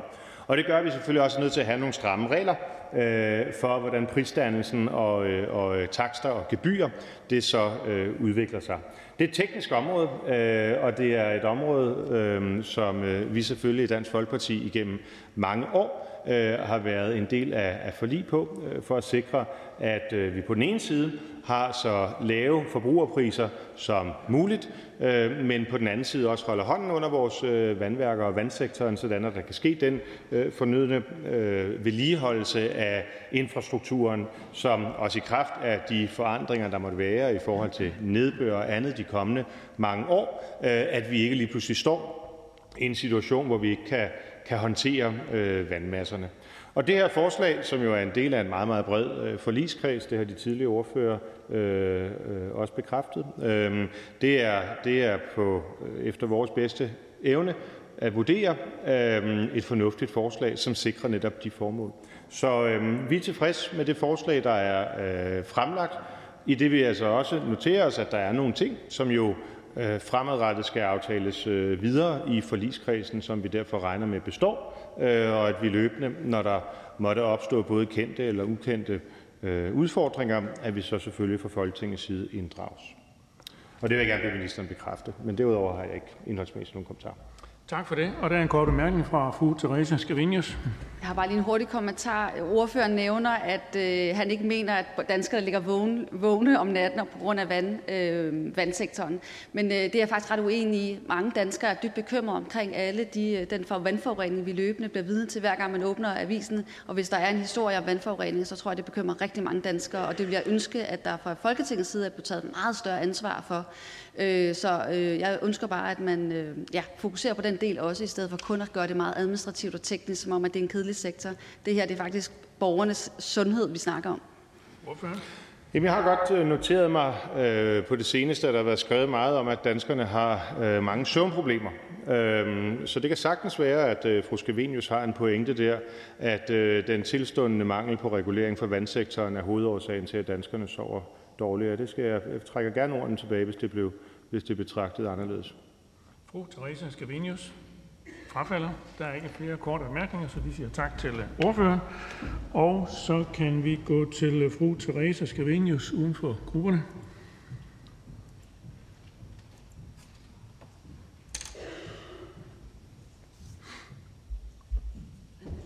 Okay, ja.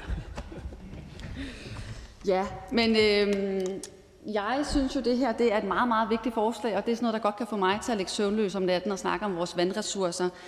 Øh, jeg står lige her med en ny rapport for, eller et udspil for danske regioner, der netop fortæller om, hvor meget forurening øh, der er i vores drikkevand, og hvordan vores vandressource er stærkt troet. Så det er jo en meget, meget, meget vigtig sektor for hele vores samfund. Øh, og derfor er jeg meget, meget ked af, at når vi øh, i den her kreds skal kigge på den her sektor, så vælger at kigge fuldstændig i den forkerte retning og slet ikke løse de problemer, der er i sektoren. Og på en eller anden måde er det et meget godt eksempel på, hvordan Christiansborg virker øh, i, i dag, i øjeblikket. Vi har problemer ude med vandforurening, vi har et kapacitetsproblem, og så det, man vælger at gøre herinde, når man kigger på sektoren, det er at kigge på, hvordan kan vi markedsliggøre, hvad er det i forhold til selskaber, alle mulige tekniske detaljer. Og jeg skal indrømme, det her det er et meget, meget svært lovforslag, så jeg har slet ikke kommet ned i alle detaljerne nu og forstået alle elementerne i det, andet end sådan hovedlinjerne. Øh, og det synes jeg er... Øh, ja, på et, på et meget grundlæggende plan dybt problematisk, at man fra Folketingets side ikke faktisk lytter til kritikken og forstår, hvor vigtig en sektor det her er. Øh, og derudover er det også et godt eksempel på noget andet. Det, der bliver ros meget omkring, at der er en tale om en meget, meget bred forligskreds. Men det viser jo netop, hvor, sådan, hvor er politisk Folketinget er blevet. Hvor er de ideologiske diskussioner? Når vi snakker affaldslov, vandlov, så er vi altså nede i grundsubstansen af, hvad politik er. Hvad er det for en linje? Mener vi det grundlæggende af markedskræfterne, der skal løse vores problemer? Hvilken rolle spiller staten? Hvad er det for en velfærdsstat, vi har nu? Har vi en stat, der faktisk kan håndtere og understøtte vores øh, naturressourcer? Og det viser sig, at det kan vi i hvert fald ikke. Og derfor er det ret ærgerligt, at hele den ideologiske snak fuldstændig er forsvundet ud, og jeg bliver nærmest kritiseret for at rejse de ideologiske spørgsmål, som om de ikke er relevante her. Men summa summarum er, at der er et lovforslag her nu, som er, øh, handler meget om effektivitet og forenkling og alle mulige ting, som, som på overfladen kan lyde administrativt og teknisk, men netop som gemmer rigtig mange detaljer, som er rigtig vigtige at forholde sig til. Og her vil jeg bare lige nævne nogle af de første, som jeg synes er allervigtigst, og vi har allerede været inde på det et par omgang. Og det her, det er med de mange beføjelser, der bliver givet, ikke blot til ministeren, men videre til det her nye tilsyn, øh, som jo så får nogle meget, meget øh, store beføjelser, som jo ikke bare handler om, at de skal administrere og håndhæve, men de skal også få også magt over øh, selskaberne, vandselskaberne, og i nogen grad også ser det ud til, altså meget af det er også stadig uklart, og det er også det, høringsvaren kritiserer. Vi ved det ikke præcis, men det ser ud til, at det her tilsyn får mere magt, også over nogle gange kommunerne. Og det er jo sådan noget, der bekymrer mig fra et demokratisk perspektiv. Hvem er det her tilsyn? Hvordan kommer de til at arbejde? Hvad er den politiske linje? Og som umiddelbart der ligger den linje, der ligger i det, ligger det i hvert fald ligger det, at det er en meget blå og sort linje, der hverken motiverer i retning af miljø- eller klimatiltag, men heller ikke i et perspektiv, hvor man beskytter borgerne eller kigger på kommunernes øh, penge. Fordi ja, der er spørgsmål om pris, men spørgsmålet om, øh, har vi brug for billigere øh, vand i det her land? Hvorfor er det, vi har brug for det? Vi har at gøre med en knap ressource, som vi faktisk skal bruge mindre af, for også at understøtte vores grundvand. Men i det hele så har vi nogle meget vandressourcekrævende virksomheder, og der har vi faktisk ikke behov for, at de får billigere vand. Vi har brug for, at de effektiviserer og bruger mindre vand.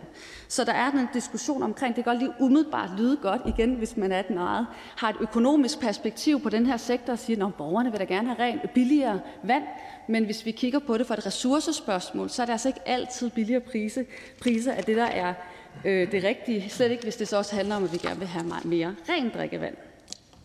Og derudover så er der så den sidste pointe, jeg også gerne vil nævne, det er i forhold til den her manglende retssikkerhed i forhold til selskaberne, som mange af høringssvarene nævner. Og det er sådan noget, jeg synes, der er stærkt bekymrende, hvis man ikke forstår den kritik herinde i Folketinget af de love og regler, vi sætter ud i verden, ikke giver nogle klare rammer for nogle meget centrale sektorer. Hvis vi begynder med at skabe usikkerhed omkring både deres investeringer, deres fremtid, deres mulige så videre og det var det samme, vi så i forhold til affaldsloven. Vi skaber nogle, en usikkerhed i forhold til nogle centrale sektorer. Øh, så jeg håber virkelig, at vi i den følgende proces her faktisk kan få luet ud nogle af de her ting ud, sådan at vi kan sikre selskabernes retssikkerhed. Så det kan godt være, at vi ikke er enige om den ideologiske linje. Det er helt fint, at vi har et folketing, der er langt ud på den traditionelle eller gamle venstrefløj nu, indfører blå politik, og det er jo tillykke til højrefløjen til, at I har vundet alle de røde partier over på jeres fløj. Det er jo rigtig fint. Men, men i hvert fald skal vi jo stadigvæk sikre os, at de retsvilkår, et selskab inden for de her så rammer har, er i orden. Og der er det jo der både tilbage til bebøjelserne, som er et problem, men der er også nogle andre ting, jeg tror, vi kan kigge på. Øhm. Så grundlæggende så mener jeg bare, at øh, vi skal altså tilbage til de politiske diskussioner, have noget mere ideologisk snak. Hvad er det for nogle grundlæggende mekanismer, øh, vi indsætter i vores lovgivning? Og så kan man altså ikke klare det her fra Folketingets side af bare at bemyndige ministeren til at træffe de politiske og ideologiske valg på vegne af os. Mange tak for det. Der er ikke nogen korte bemærkninger, så vi siger tak til øh, ordføreren. Og så kan vi give ord til klima-, energi- og forsyningsministeren. Oh, det går stille og roligt. Det er godt.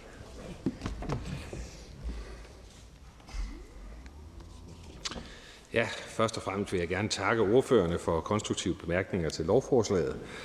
Øh, det lovforslag, vi øh, fremlægger i dag, øh, handler om at styrke det økonomiske tilsyn med vandselskaberne og styrke den kommunale kontrol med vandselskabernes takser og leveringsbetingelser. Lovforslaget gennemfører således dele af den politiske aftale om justeret økonomisk regulering af vandsektoren fra 2018, og det er unægteligt nogle år siden. I Danmark består vandsektoren af naturlige monopoler, hvilket betyder, at vandselskaberne ikke er udsat for konkurrence. Derfor er der behov for økonomisk regulering, som kan sikre effektivitet, så lave priser til forbrugerne som muligt, effektive priser. Det er en forudsætning for en velfungerende økonomisk regulering, at der er et effektivt tilsyn. Derfor vil vi med lovforslaget sikre tydeligere rammer for det økonomiske tilsyn, og vi vil styrke tilsyn med både regler om markedsmæssighed i aftaler og tilknyttet virksomhed. Det vil gavne forbrugersikkerheden.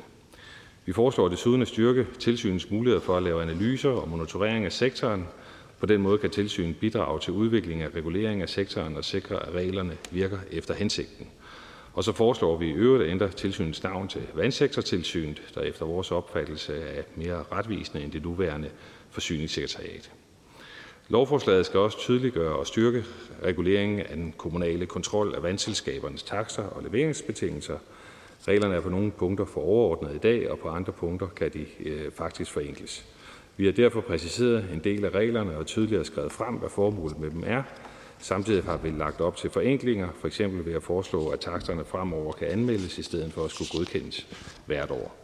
Samlet bliver takstkontrollen på vandområdet både mere gennemsigtig og ensartet til gavn for forbrugerne, og vi får harmoniseret kontrollen på vandområdet mere med varme- og elområdet. Det skal gøre det nemmere at forholde sig til reglerne for forsyningerne.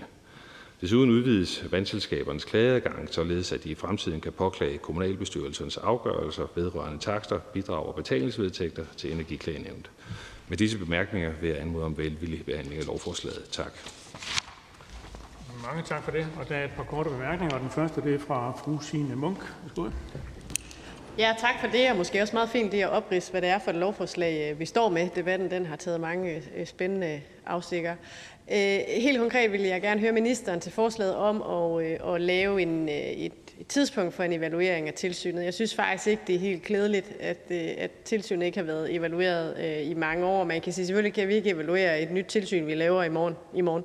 Øh, men, øh, men jeg synes, det bliver oplagt for ministeren at, at gå ind og, øh, og se på en evalueringsproces. Så jeg synes både, øh, som jeg også øh, sagde i, i ordførertalen, at det skal vedrøre sig, hvad det reelt er for nogle administrative omkostninger, der, må, der kan være ude i, i kommuner og vandselskaber, og så selvfølgelig også, om det er placeret det rigtige tilsynings mæssige steder. Altså, det er jo lidt specielt, at netop lige vandsektoren skulle høre til under øh, Erhvervsministeriet, og resten af forsyningssektoren hører under øh, Klima-, Energi- og Forsyningsministeriet.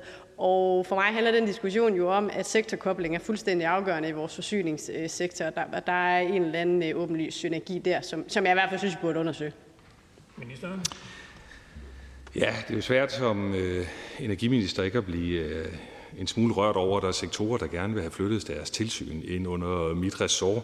Så det er jo sådan, øh, mm, øh det, øh, det forstår jeg øh, er et synspunkt.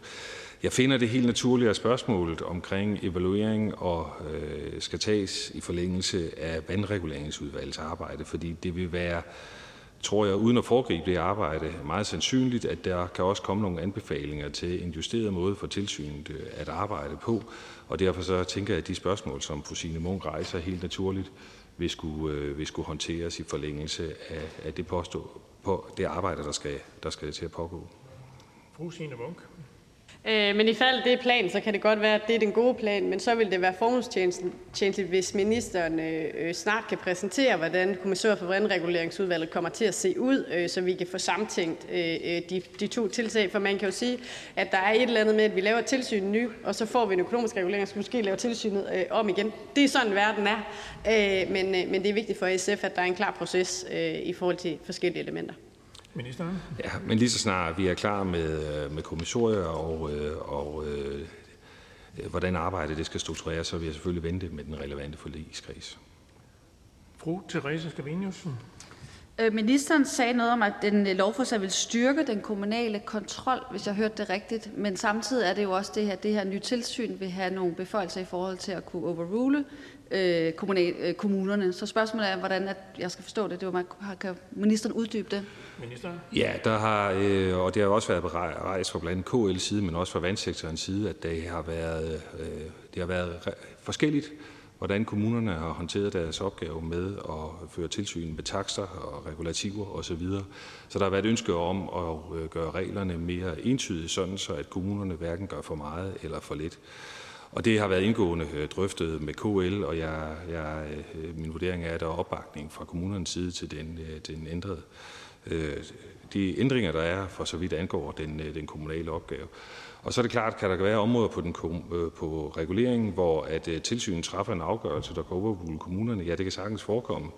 Det, kommunerne kan jo også komme til at gøre noget, der er forkert, og derfor så lægger vi så også op til her, at øh, tilsynsafgørelserne kan påklages. Det vil sige, at de kan gå til energiklagenævnet, hvilket skulle gerne sikre en hurtigere behandling, så frem til fald, at der er nogen, der er uenige i de afgørelser, tilsynet øh, træffer. Fru Therese Skavenius. Ja, det er nogle af de her ting, der er lidt svære at afgøre magtforholdet mellem de forskellige instanser, men det må vi jo kigge på fremadrettet. Jeg har et andet spørgsmål, og det er tilbage til det her med vandressourcerne. Øh, hvis vand er en knap ressource, hvad betyder øh, billigere priser så, som hensigten i lovforslaget er? Øh, er minister bekymret for det her med, at vi, hvordan vi opretholder vores vandressourcer på den lange bane i forhold til at skabe et øget forbrug af vand jeg tror, det er vigtigt at gentage det, som ordførende ordførerne fra SF, Enhedslisten og hvis også konservative fremhævede, at det her lovforslag vedrører en relativt afgrænset del omkring takster og tilsyn. Øh, bekymringer om, hvad er det for en opgave, vandsektoren skal løse fremover, hvad er det for et målbillede, vi har, det er det, vi er enige om at øh, få afklaret i et øh, vandreguleringsudvalg. Det synes jeg selv er en rigtig god idé, og nogle gange må man jo godt blive glad over gode idéer, andre de får, ikke Søren? Øh, og derfor så vil mange af de spørgsmål, som du har rejst, også i debatten i forhold til at have en effektiv vandsektor i forhold til den opgave, vi vil have løst i fremtiden, det kræver jo, at opgaven er løst. Du siger lave priser. Det handler om effektive priser. For det kan sagtens være, at vandtaksterne kommer til at gå op i takt med, at vandsektoren skal løse flere opgaver. Det, den økonomiske regulering går ud på, det er at sørge for, at man har effektive investeringer og omkostninger. Mange tak. Der er ikke flere korte bemærkninger, så vi siger tak til ministeren. Og da der ikke er flere, som har bedt om ordet, er forhandlingen sluttet. Og jeg foreslår, at lovforslaget henvises til Klima-, Energi- og Forsyningsudvalget. Hvis ingen går indsigelse, betragter jeg dette som vedtaget. Og det er vedtaget. Og Inden vi går til næste punkt på dagsordenen, skal jeg oplæse følgende nye anmeldelser, der er kommet. Den lyder således, at indrigs- og sundhedsministeren, øh, og det er angående beslutningsforslag nummer 126, og det er om ændring af samtykkemodel for organdonation til aktivt fravalg fra det fyldte 18. år, og titlen på den anmeldte sag vil fremgå af Folketingstidene. Og så er vi klar til at gå i gang med den næste sag, og det er første behandling af beslutningsforslag nummer B 109, og det er forslag til folketingsbeslutning om dansk udtrædelse af energichartertraktaten også i parentes benævnt ECT, og den er af klima-, energi- og forsyningsministeren, og forhandlingen er nu øh, åben. Og jeg forstår det umiddelbart sådan, at øh, ministeren ønsker at komme på til sidst ifølge den her så øh, det følger vi, øh, og så går vi i gang med ordførerrækken. Og den første ordfører, det er Socialdemokratiets ordfører, og det er hr. Thijs Kylling Hommeltoft. Værsgo.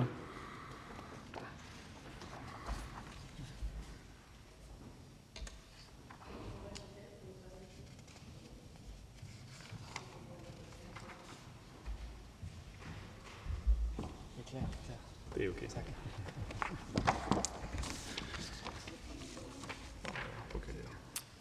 Æret formand, tak for ordet. Navngangen kan hverken virke galt stå i særdeleshed, når beslutninger træffes langt væk fra den virkelighed, man selv oplever, og den verden, man selv ser, det hvor man bor. Jeg startede lige på sønderjysk. Øhm, det håber jeg er okay. Det er jo en dansk dialekt. Og det er lidt det problem, vi står i her. For tilbage i 1994 tiltrådte Danmark den europæiske energichartertraktat, en multilateral rammeaftale, der sikrede samarbejde på det europæiske energiområde med blandt andet Asien. Verden dengang så ud på en anden måde, end den gør i dag.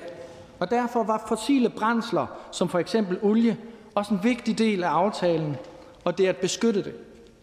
Helt konkret har vi siden da indgået Paris-aftalen, som modsat af en aftale om emissionsreduktioner fra de fossile brændsler. Så med den ene aftale skal vi reducere, mens vi med den anden aftale skal beskytte og udvikle øh, og sikre udvikling af for eksempel øh, olien og den her øh, udledning. Det er ikke forenligt med hinanden, og vi har set triste eksempler fra blandt andet Italien, øh, som af en domstol blev dømt til at betale 190 millioner euro til et olieselskab på baggrund af energichartertraktaten. Tudetosset, spørger mig. Og langt væk herfra kan de ikke blive enige om at modernisere denne energichartertraktat, så den ikke modvirker Paris-aftalen, hvilket man i EU-regi har kæmpet for siden 2019, men nu mere eller mindre har måttet opgive. Derfor bakker vi fra Socialdemokratiet op om beslutningsforslaget om at udtræde af energichartertraktaten, for vi har kun én planet, og den skal vi passe på, og så må vi tænke os om og holde vejret de næste 20 år, hvor vi stadig er bundet af traktaten, jævnført den lange solnedgangsklausul. Der er bare for os at se ikke en anden vej længere. Tak for Mange tak for det. Og der er ikke nogen korte bemærkninger, så vi siger tak til ordføreren. Og så kan vi gå videre til Venstres ordfører, og det er her Jan E. Jørgensen.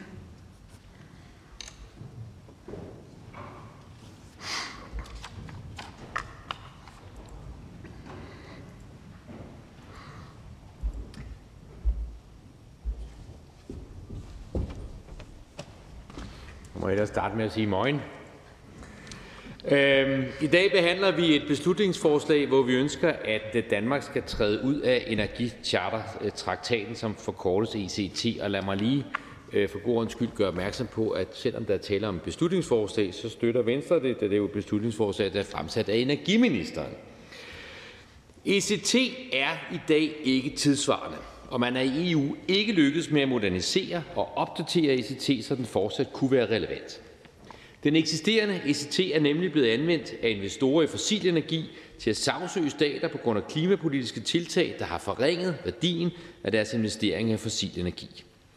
Og derfor så finder vi i Venstre og resten af regeringen, at udtrædelsen er et nødvendigt skridt for at sikre, at vi kan gennemføre de nødvendige politikker, som skal bekæmpe klimaforandringerne og fremme bæredygtig energi. Danmark øh, står derfor heller ikke alene i denne sag. Flere EU-lande har allerede forladt ECT eller udtrykt ønske om at gøre det. Europakommissionen foreslog sidste sommer, at EU også trådte ud af traktaten, simpelthen fordi den ikke længere stemte overens med EU's investeringspolitik og klimapolitik. Det bakker vi også op om. ECT vurderes i dag desuden kun at spille en mindre rolle for udenlandske investorers beslutning om at investere i Danmark. Derfor mener vi også, at vi har andre redskaber til at sikre den nødvendige beskyttelse, for eksempel gennem bilaterale aftaler og national lovgivning om ekspropriation. Det er langt at foretrække frem for at være bundet af en traktat, der potentielt står i vejen for, at vi når vores klimamål.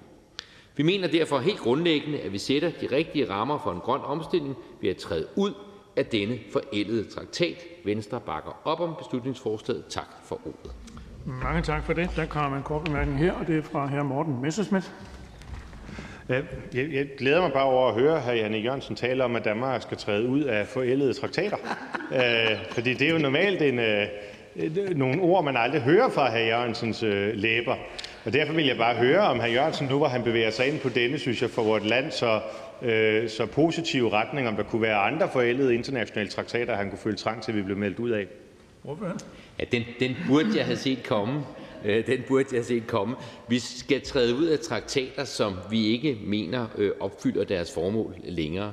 Øh, og der kan jeg da for eksempel øh, nævne, at det jo ikke er første gang, at jeg har talt for, at vi skulle udtræde, en, øh, udtræde af en traktat. Jeg har også talt for, at vi skulle udtræde af traktaten om forbud mod øh, dobbelt statsborgerskab, hvad vi gjorde, øh, hvilket øh, hr. Morten Messersmiths parti så i øvrigt var imod. Så altså, vi skal selvfølgelig vurdere øh, traktater øh, hver for sig. Det er ikke stentavlerne, øh, som Moses øh, kom med i øh, ørkenen med de 10 bud. Altså, det er traktater, som er skabt af mennesker, kan ændres af mennesker, og selvfølgelig kan man også øh, træffe beslutning om at træde ud af dem, men det skal man selvfølgelig vurdere øh, grundigt, om der er grund til at gøre, og det er der i dette tilfælde. Ja, Morten Messerschmidt frafalder. Så er der ikke flere korte bemærkninger. Vi siger tak til ordføreren. Og vi kan gå videre til SF's ordfører, og det er fru Signe Munk.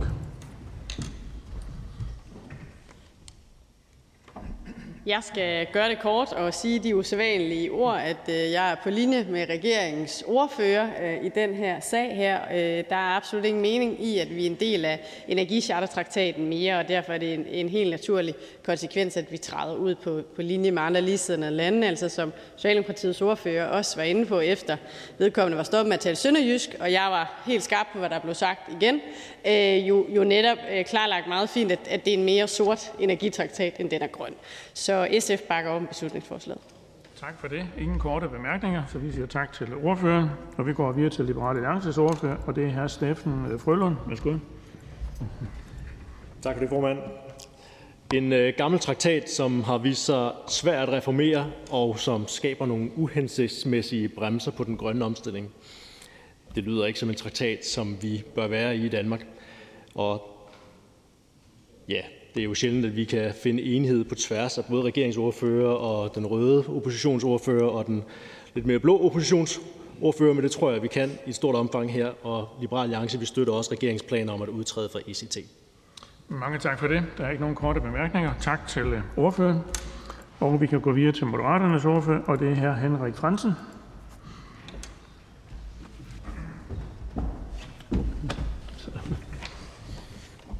Tak for ordet, herr formand. Da Danmark i 1996 tiltrådte energichartertraktaten, var det med, med det formål at tiltrække udenlandske investeringer til energisektoren ved at garantere forudsigelige rammebetingelser og ligebehandling. Som politikere der har vi en vigtig opgave med at sætte de bedst mulige rammer for den grønne omstilling. Det gjorde vi dengang i 1996, da vi meldte os ind i ECT, og nu gør vi det igen ved at melde os ud af aftalen. ECT beskytter både grønne og fossile investeringer, og det er denne beskyttelse af fossile investeringer, samtidig med at der er uenighed om moderniseringen af aftalen, der nu har givet anledning til udfordringer og bekymringer i flere lande, og da det som bekendt er omstilling væk fra fossil energi, der i dag har prioritet. Den bekymring den deler regeringen. Den deler Moderaterne.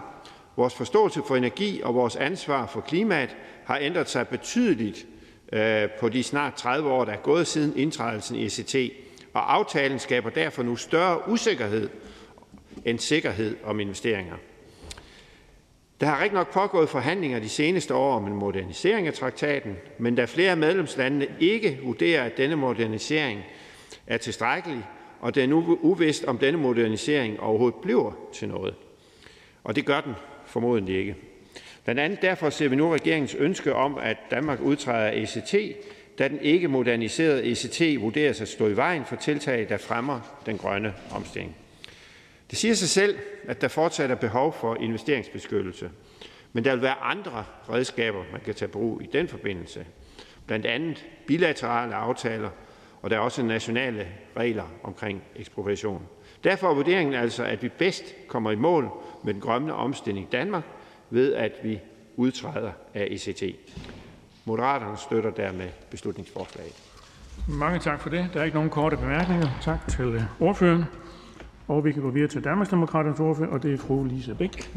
Tak for det, formand. Ja, til forskel fra det forrige forslag, der var, hvor lovforslaget var 200 sider, så var det her jo noget nemmere at, lige at læse det her lille beslutningsforslag. Og det virker jo til, at det er en god beslutning. Der har været mange forhandlinger i ECT's medlemskreds om at modernisere ECT, men det er ikke lykkedes, som det allerede er nævnt, og, og modernisering er udskudt på ubestemt tid. Flere lande er trådt ud, og Europakommissionen de fremlagde så i juli 23 et forslag til rådsafgørelse om at udtræde af ECT. Og derfor søger regeringen nu om Folketingets samtykke til, at Danmark udtræder af ECT samtidig med EU. Danmarksdemokraterne støtter det her, da ECT til Sydland ikke, heller ikke har betydet noget særligt for udenlandske investorers øh, beslutning om at investere i Danmark. Desuden har ECT kun været bragt i anvendelse af danske investorer i udlandet i fire tilfælde. Så, og så kan man sige, et andet lille lyspunkt, det er, at Danmarks økonomisk forpligtelse på 419.000 kroner årligt, det bortfalder. Og det er jo sjældent, det går den vej. Så, så som sagt, så støtter Danmarksdemokraterne forslaget, da ECT er en forældet aftale og det ikke stemmer overens med den danske eller europæiske investerings-, energi- og klimapolitik. Tak for ordet. Mange tak for det. Der er ikke nogen korte bemærkninger. Tak til ordføreren. Og vi går videre til Konservative Folkepartis ordfører, og det er fru Helle Bonnesen.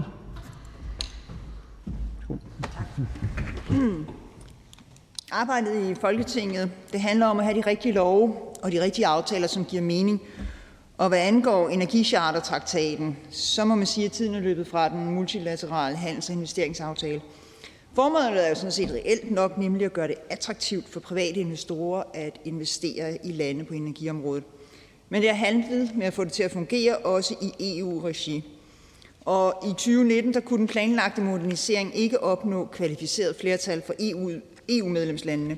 Dog så synes vi, at det er på sin plads at rose den rettidige omhu med at forsøge at få det til at hænge sammen.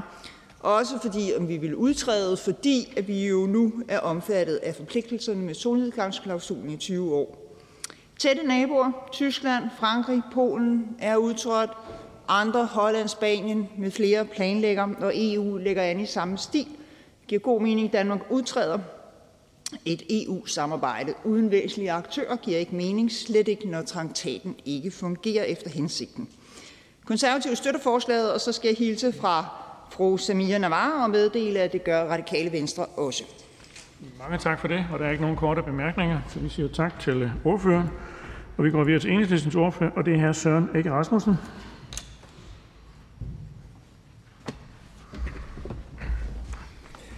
Ja, det er jo så en, et forsøg på at modernisere ETC, og hvor at konklusionen så er bedre, at konklusionen er blevet, at det er bedre at udtræde, og det støtter enhedslisten.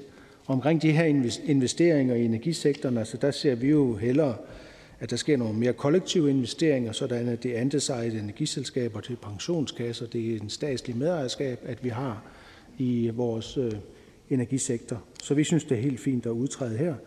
Og så efterlader det jo et stort problem for regeringspartierne, hvor at man jo har det meget nemt, at man stemmer for alle øh, lovforslag og imod alle beslutningsforslag. Så der er en vis risiko for, at øh, det her det er et beslutningsforslag, der ikke opnår flertal. Mange tak for det. Ingen korte bemærkninger. Tak til ordføreren. Og vi går videre til Dansk Folkepartis ordfører, og det er hr. Morten Messerschmidt.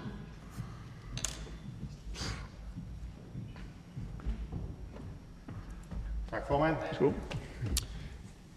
Det er en glædens dag at kunne konstatere, at ikke bare hr. Jan E. Jørgensen, der nu synes at have forladt salen, men også øh, regeringen øh, vil have Danmark ud af utidsvarende øh, traktater. Øh, det er godt nok et lidt uambitiøst område, vi begynder på, men dog lidt har også ret. Vi vil derfor i Dansk Folkeparti med glæde øh, stemme for det her forslag, der gør, at vi træder ud af en forældet traktat, et charter, som det hedder på sådan bruselsk, øh, på energiområdet, men synes i den grad, at vi har appetit på meget mere.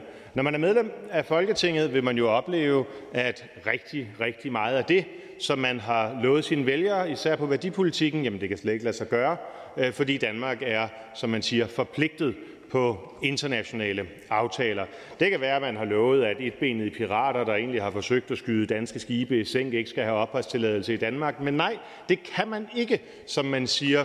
Men det kan man jo egentlig godt. For man kunne bare gøre det samme, som man gør i dag med den her energitraktat, nemlig træde ud af alle de internationale traktater, som forpligter os på værdipolitiske områder, sådan at statsministeren med egne ord ikke skal have sådan nogle trælse dage, hvor man går på arbejde og kan konstatere, at man ikke kan leve op til de løfter, man har givet til vælgerne. At hun så heller ikke har mod til at sige til vælgerne, at hun heller ikke har mod til at komme ud af de pågældende traktater, det gør selvfølgelig bare farsen endnu større. Men må ikke de danske vælgere, eller hvis ikke hun gør det selv, også opsiger forpligtelserne sammen med fru Mette Frederiksen, inden vi når folketingsvalget, og så kan det også være noget mere der at glæde sig over.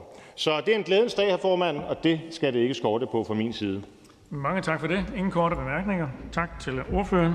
Og vi går videre til Alternativets ordfører, og det er her Torsten Gejl.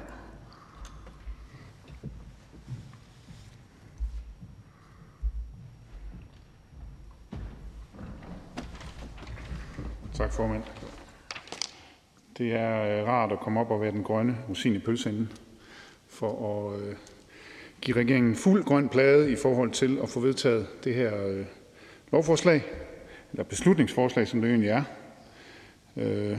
hvor regeringen jo påpeger, at ECT står i vejen for tiltag, der fremmer den grønne omstilling. I Alternativet er vi glade for, at regeringen ønsker at træde ud af ECT, da vi netop ønsker at mindske alle barrierer for tiltag, der kan fremme den grønne øh, omstilling. Øh, vi ser også med glæde, at flere europæiske lande, som allerede nævnt, er gået ud eller allerede er på vej ud af ECT. Øh, og vi støtter selvfølgelig også, at der kunne komme en kollektiv EU-udtræden, e EU da vi dermed kan være med til at fjerne barriere for den grønne omstilling i hele EU. Formand. Mange tak for det. Der er ikke nogen korte bemærkninger. Tak til øh, ordføreren. Og så kan vi gå øh, til øh, klima-, energi- og forsyningsministeren.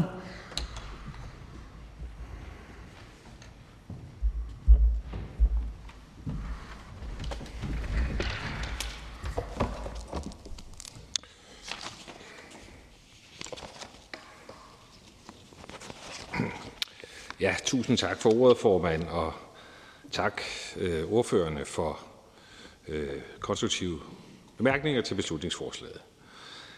Øh, som flere har nævnt, så har regeringen fremsat forslag om, at Danmark skal udtræde energicharter-traktaten. Det gør regeringen, fordi den grundlæggende er, øh, at det er regeringens vurdering, at traktaten kan modvirke den grønne omstilling, og den ikke bidrager med fordele i form af investorbeskyttelse, som opvejer det. Formålet med traktaten har været at give investorbeskyttelse for virksomheder på energiområdet i de lande, der er medlemmer af traktaten. Det har omfattet europæiske lande, en række lande i Østeuropa, Centralasien samt enkelte lande i Asien og Mellemøsten.